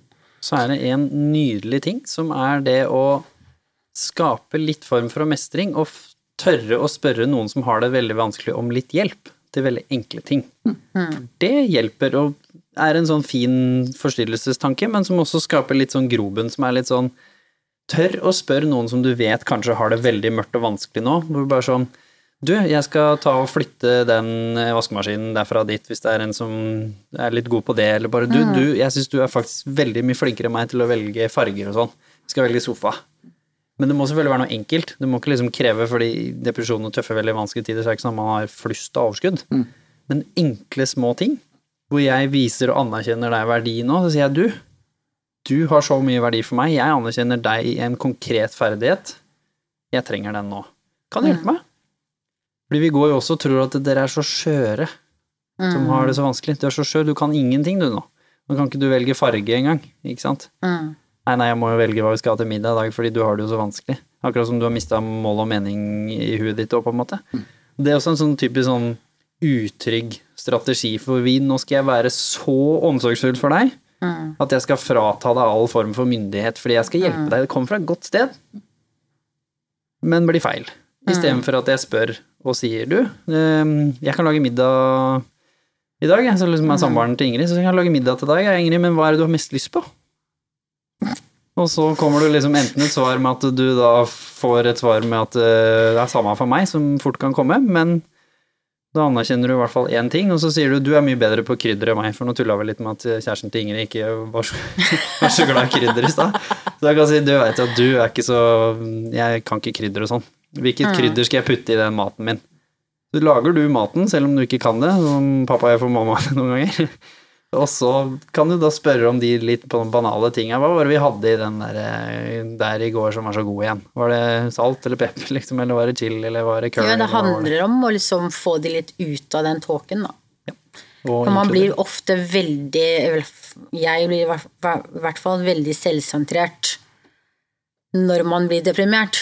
Fordi du er så Den tåken og de tankene som du går med da, det er jo deg, deg, deg, deg, deg, deg, deg. Og så som pårørende eh, så tror jeg at noe av clouet også er å få de ut av den tåken og få tankene over på noe annet. Sånn og kanskje litt utover Og det kan være mye vanskeligere for andre enn det er for noen. Eh, men i hvert fall forsøke. Jeg blir veldig handlingslamma når jeg blir deprimert. Jeg blir veldig sånn Hadde jeg fått spørsmål hva vil du spise til middag, det er sånn Hvorfor trenger jeg å spise? Ikke sant? Du blir jo helt sånn Nei, jeg, jeg vet ikke. Jeg klarer ikke å bestemme meg for noen ting. Eh, så jeg er en sånn person som har veldig behov for at de rundt meg kanskje må gjøre mer, da. Men igjen, da, når jeg er stabil og har det veldig fint, så er jeg veldig omsorgsperson. Så da tar jeg igjen det tapte. Ikke sant? At eh, du tok vare på meg når jeg var nede, og selv om livet er bra og du har det fint, så skal jeg ha veldig mye omsorg for deg. Det er bare min personlighet. Men um, igjen, som jeg har sagt eh, mange ganger, det som har hjulpet meg, er bare at jeg blir møtt der jeg er. Og at folk er til stede og viser at de er til stede. Og spesielt i, Norge, vil jeg si, da, for jeg har jo bodd noen år i utlandet. Altså nordmenn, mener jeg, burde bli flinkere til å mase, og tørre å mase litt. Og spørre og stille de kanskje litt vanskelige spørsmålene. Hvordan har du det nå? Og så tørre å stå i det svaret de får. Eh, og oppfordre til ærlighet. Fordi den største forskjellen jeg merket når jeg bodde i Asia framfor i Norge, var at i Filippinene så var det bare sånn Vi er her, og vi tar hånd om deg, og vi kommer uansett om du vil at vi skal være her eller ikke. Og her har du mat, og Selv om du spiser den eller ja, ikke. Og ok, du har ikke spist frokost, men da kommer jeg med lunsj. Du har ikke spist lunsj, da kommer jeg med middag. Du har ikke spist middag, ok, greit, da sitter jeg her til jeg ser at du har spist noen, noen brødskiver eller uh, nudler, liksom. Uh, og de var veldig frampå. Og jeg husker at når jeg var i Filippinene og falt i depresjon der nede, for det har også skjedd, at jeg ble helt sånn What? Hva er det her for noe, liksom? Ok, jeg, må, jeg får vel ta imot alle disse menneskene, da. Og det var ikke før mange år etterpå at jeg skjønte at det var omsorg som de viste, at det var deres form av selvmordsforebygging. Da. For de visste at det var, at det, at det var veldig, veldig mørkt for meg. At liksom, nå, vi, nå må vi passe på.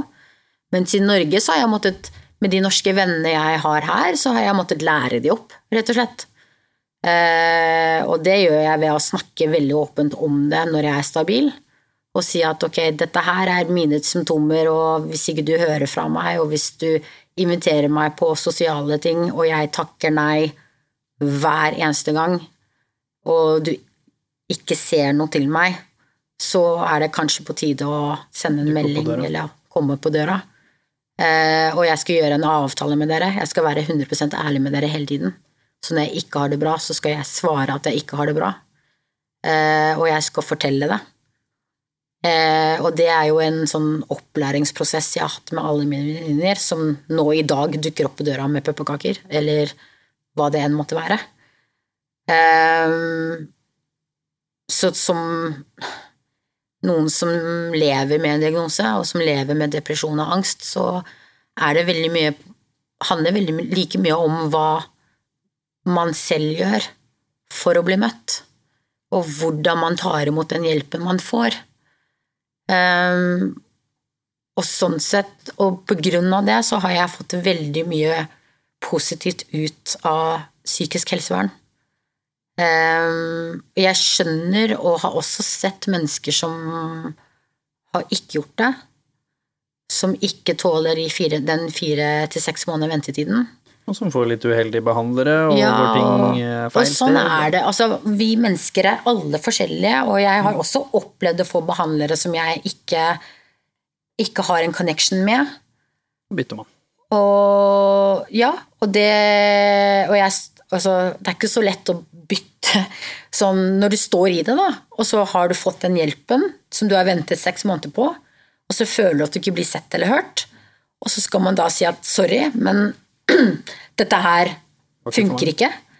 Eh, Jeg måtte jo snakke med en venninne av meg, som, og jeg bare, hun spurte meg liksom hvordan går det i behandling, og så sa jeg nei, jeg får ikke noe ut av det. Og hun bare hvorfor ikke? Og så forklarte jeg det hvorfor. Og da var det hun som tok en telefon og bare dette her går ikke, hun må bytte behandler. Eh, Hun spurte meg selvfølgelig om det var greit på forkant, men hun måtte snakke for meg, for jeg klarte ikke selv. Jeg turte ikke.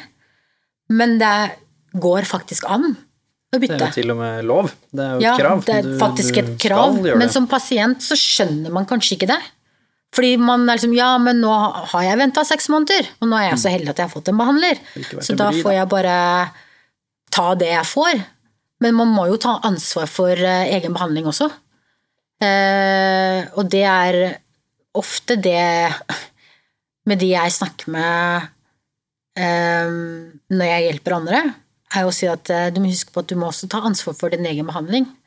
Eh, og du må også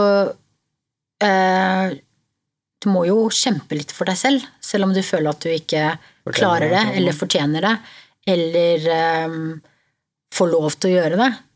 Så må det være en liten sånn fighter i deg som sier at dette her er ikke riktig.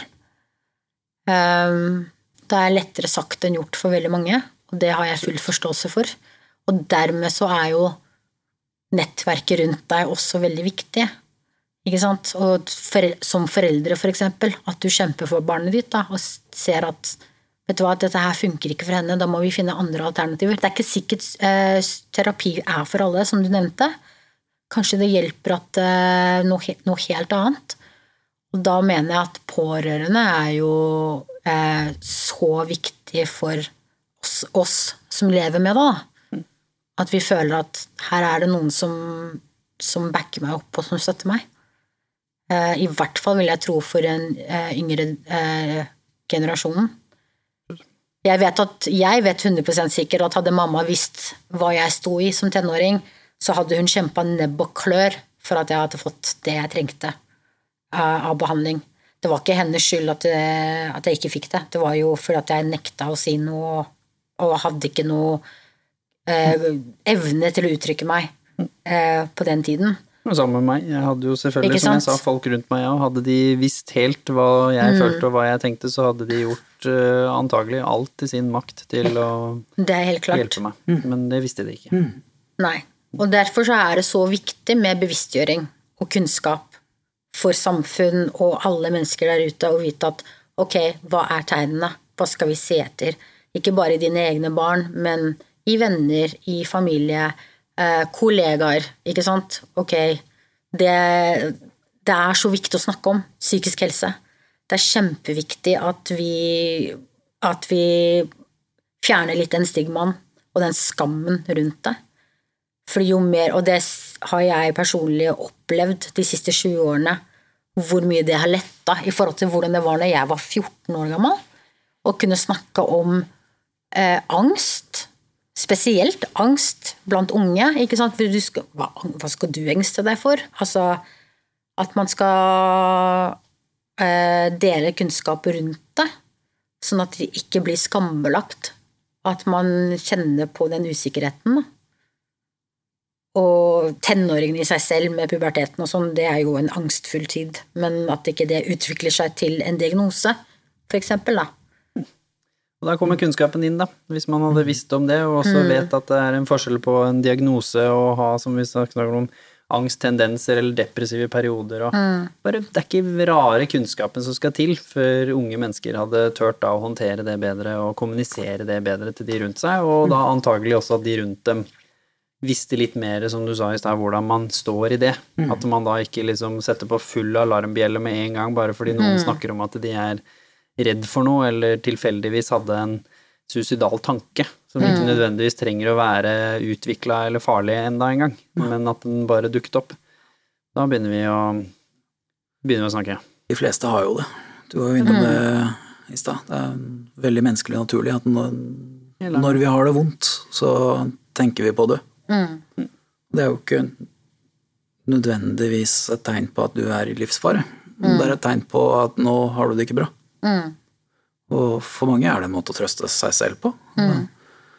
Det er jo òg mye god trøst i selvmordstanker. Jeg syns jo det var en del av de elementene i det dere fortalte om òg. Altså, det er jo en måte å bevare en selvrespekt på for mange. Absolutt. At det er sånn vel Vel er jeg et håpløst og mislykka menneske som ingen liker og har vært bedre hvis jeg var borte, men jeg bestemmer i hvert fall over det selv. Jeg kan ta, ta verdigheten som ligger i at jeg kan bestemme om jeg skal leve eller dø. Det er en form for kontroll, ikke sant? Det er det det er. Altså Hvis man har sånne selvmordstanker, så er det er en form for å kontrollere det man ikke føler man kan kontrollere. Altså Følelsene har man ikke kontroll over. ikke sant? kontrollere. Mm. Så da selvmord blir en sånn kontrollting. Mm. Hvis du da kommer inn, hvis du tenker deg at det kommer inn folk og skal kontrollere deg via tvang, Ja. og skal ta fra deg den kontrollen, så vil jo den, det behovet for kontroll forsterkes. Så hvis jeg, det eneste jeg kan kontrollere i mitt liv, er om jeg lever eller dør, og så kommer et menneske inn som jeg ikke kjenner, fra psykisk helsevern eller hva det måtte være, og skal ta fra meg skolister og kniv og medisiner, så vil jo det bare forsterke behovet for kontroll. I hvert fall hvis man ikke imøtekommer grunnen til at du har havnet der.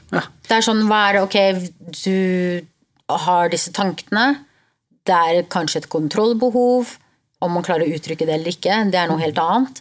Men ok, hva er det du føler du ikke kan kontrollere? For meg så er det følelser. Det går på mine, mine følelser. At jeg noen gang mister kontroll på de. Ja. hvis dere som hører på nå da tenker litt at ja, man har noe nå liksom litt der uansett det er mye eller lite eller hva nå enn, der skal ikke vi definere hvordan du har det. Nei. Men se på det da som du sa så fint. Det er jo nå et bevis på at mm, sånn som du har det nå, skal det ikke være. Og sånn som du har det nå, er såpass ille, uansett om du sammenligner det med andre eller ikke, at det fortjener dagens lys. Det fortjener å bli fortalt til noen rundt deg. Om det er noen du bryr deg om, eller om det er en fagperson, det må jo bli opp til deg. Mm. Men dette fortjener nå å komme frem. Ikke nødvendigvis for at det da blir det verre for deg, eller du skal få mer oppmerksomhet, eller at noen skal sitte med løsningen, men fordi det fortjener dagens lys.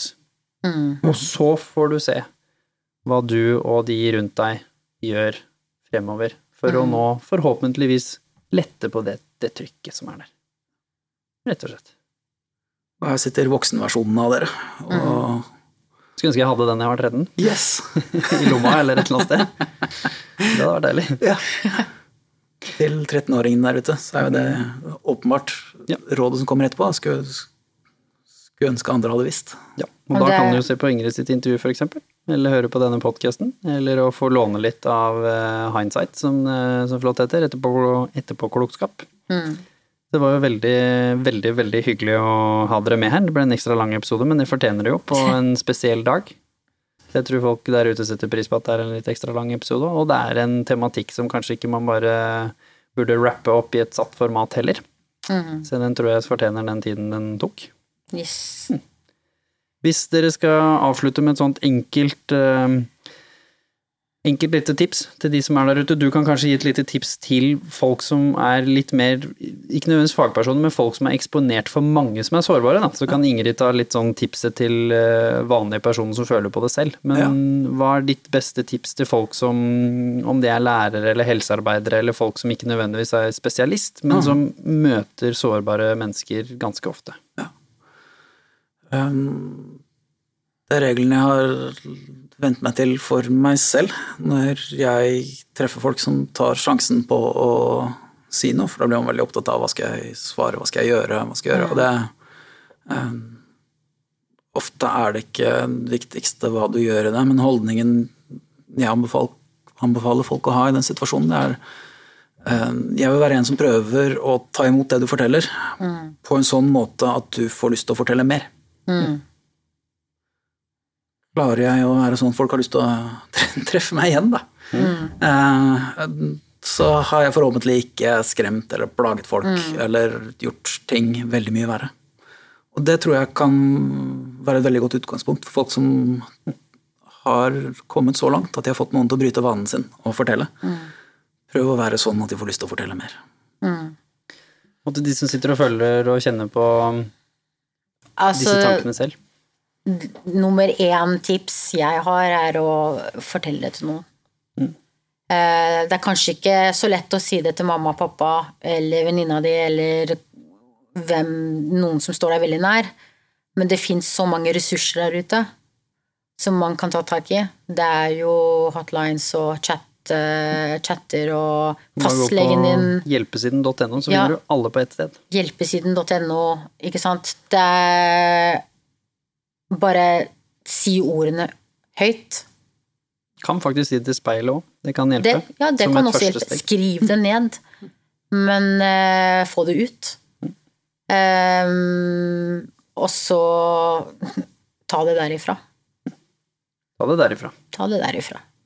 Tusen hjertelig takk for at dere kom, begge to. Dette var jo en eh, Jeg tror vi kunne snakka om dette i ukevis, men eh, la oss La oss eh, stoppe her for denne gangen. Det var veldig hyggelig. Tusen hjertelig takk til alle som hører på. Fortsett å sende inn tips og triks om hva dere vil vi skal snakke om, gjester, forslag. Dette er også en tematikk som flere har etterspurt, så derfor så tok vi det opp på agendaen. Og ikke minst ha en så god dag eh, som mulig, folkens. Og ta en titt på de ressursene som det er linket til òg. Både Hjelpesiden, Ingrid sitt intervju, Human Aspect, podkasten. Regner med vi får noen flotte fagartikler og andre ting eh, fra sjølvaste ekspertene våre også. Og så er det vel egentlig bare å holde ut litt til. Ta steg for steg, var det ikke det du sa, Ingrid? Tusen takk.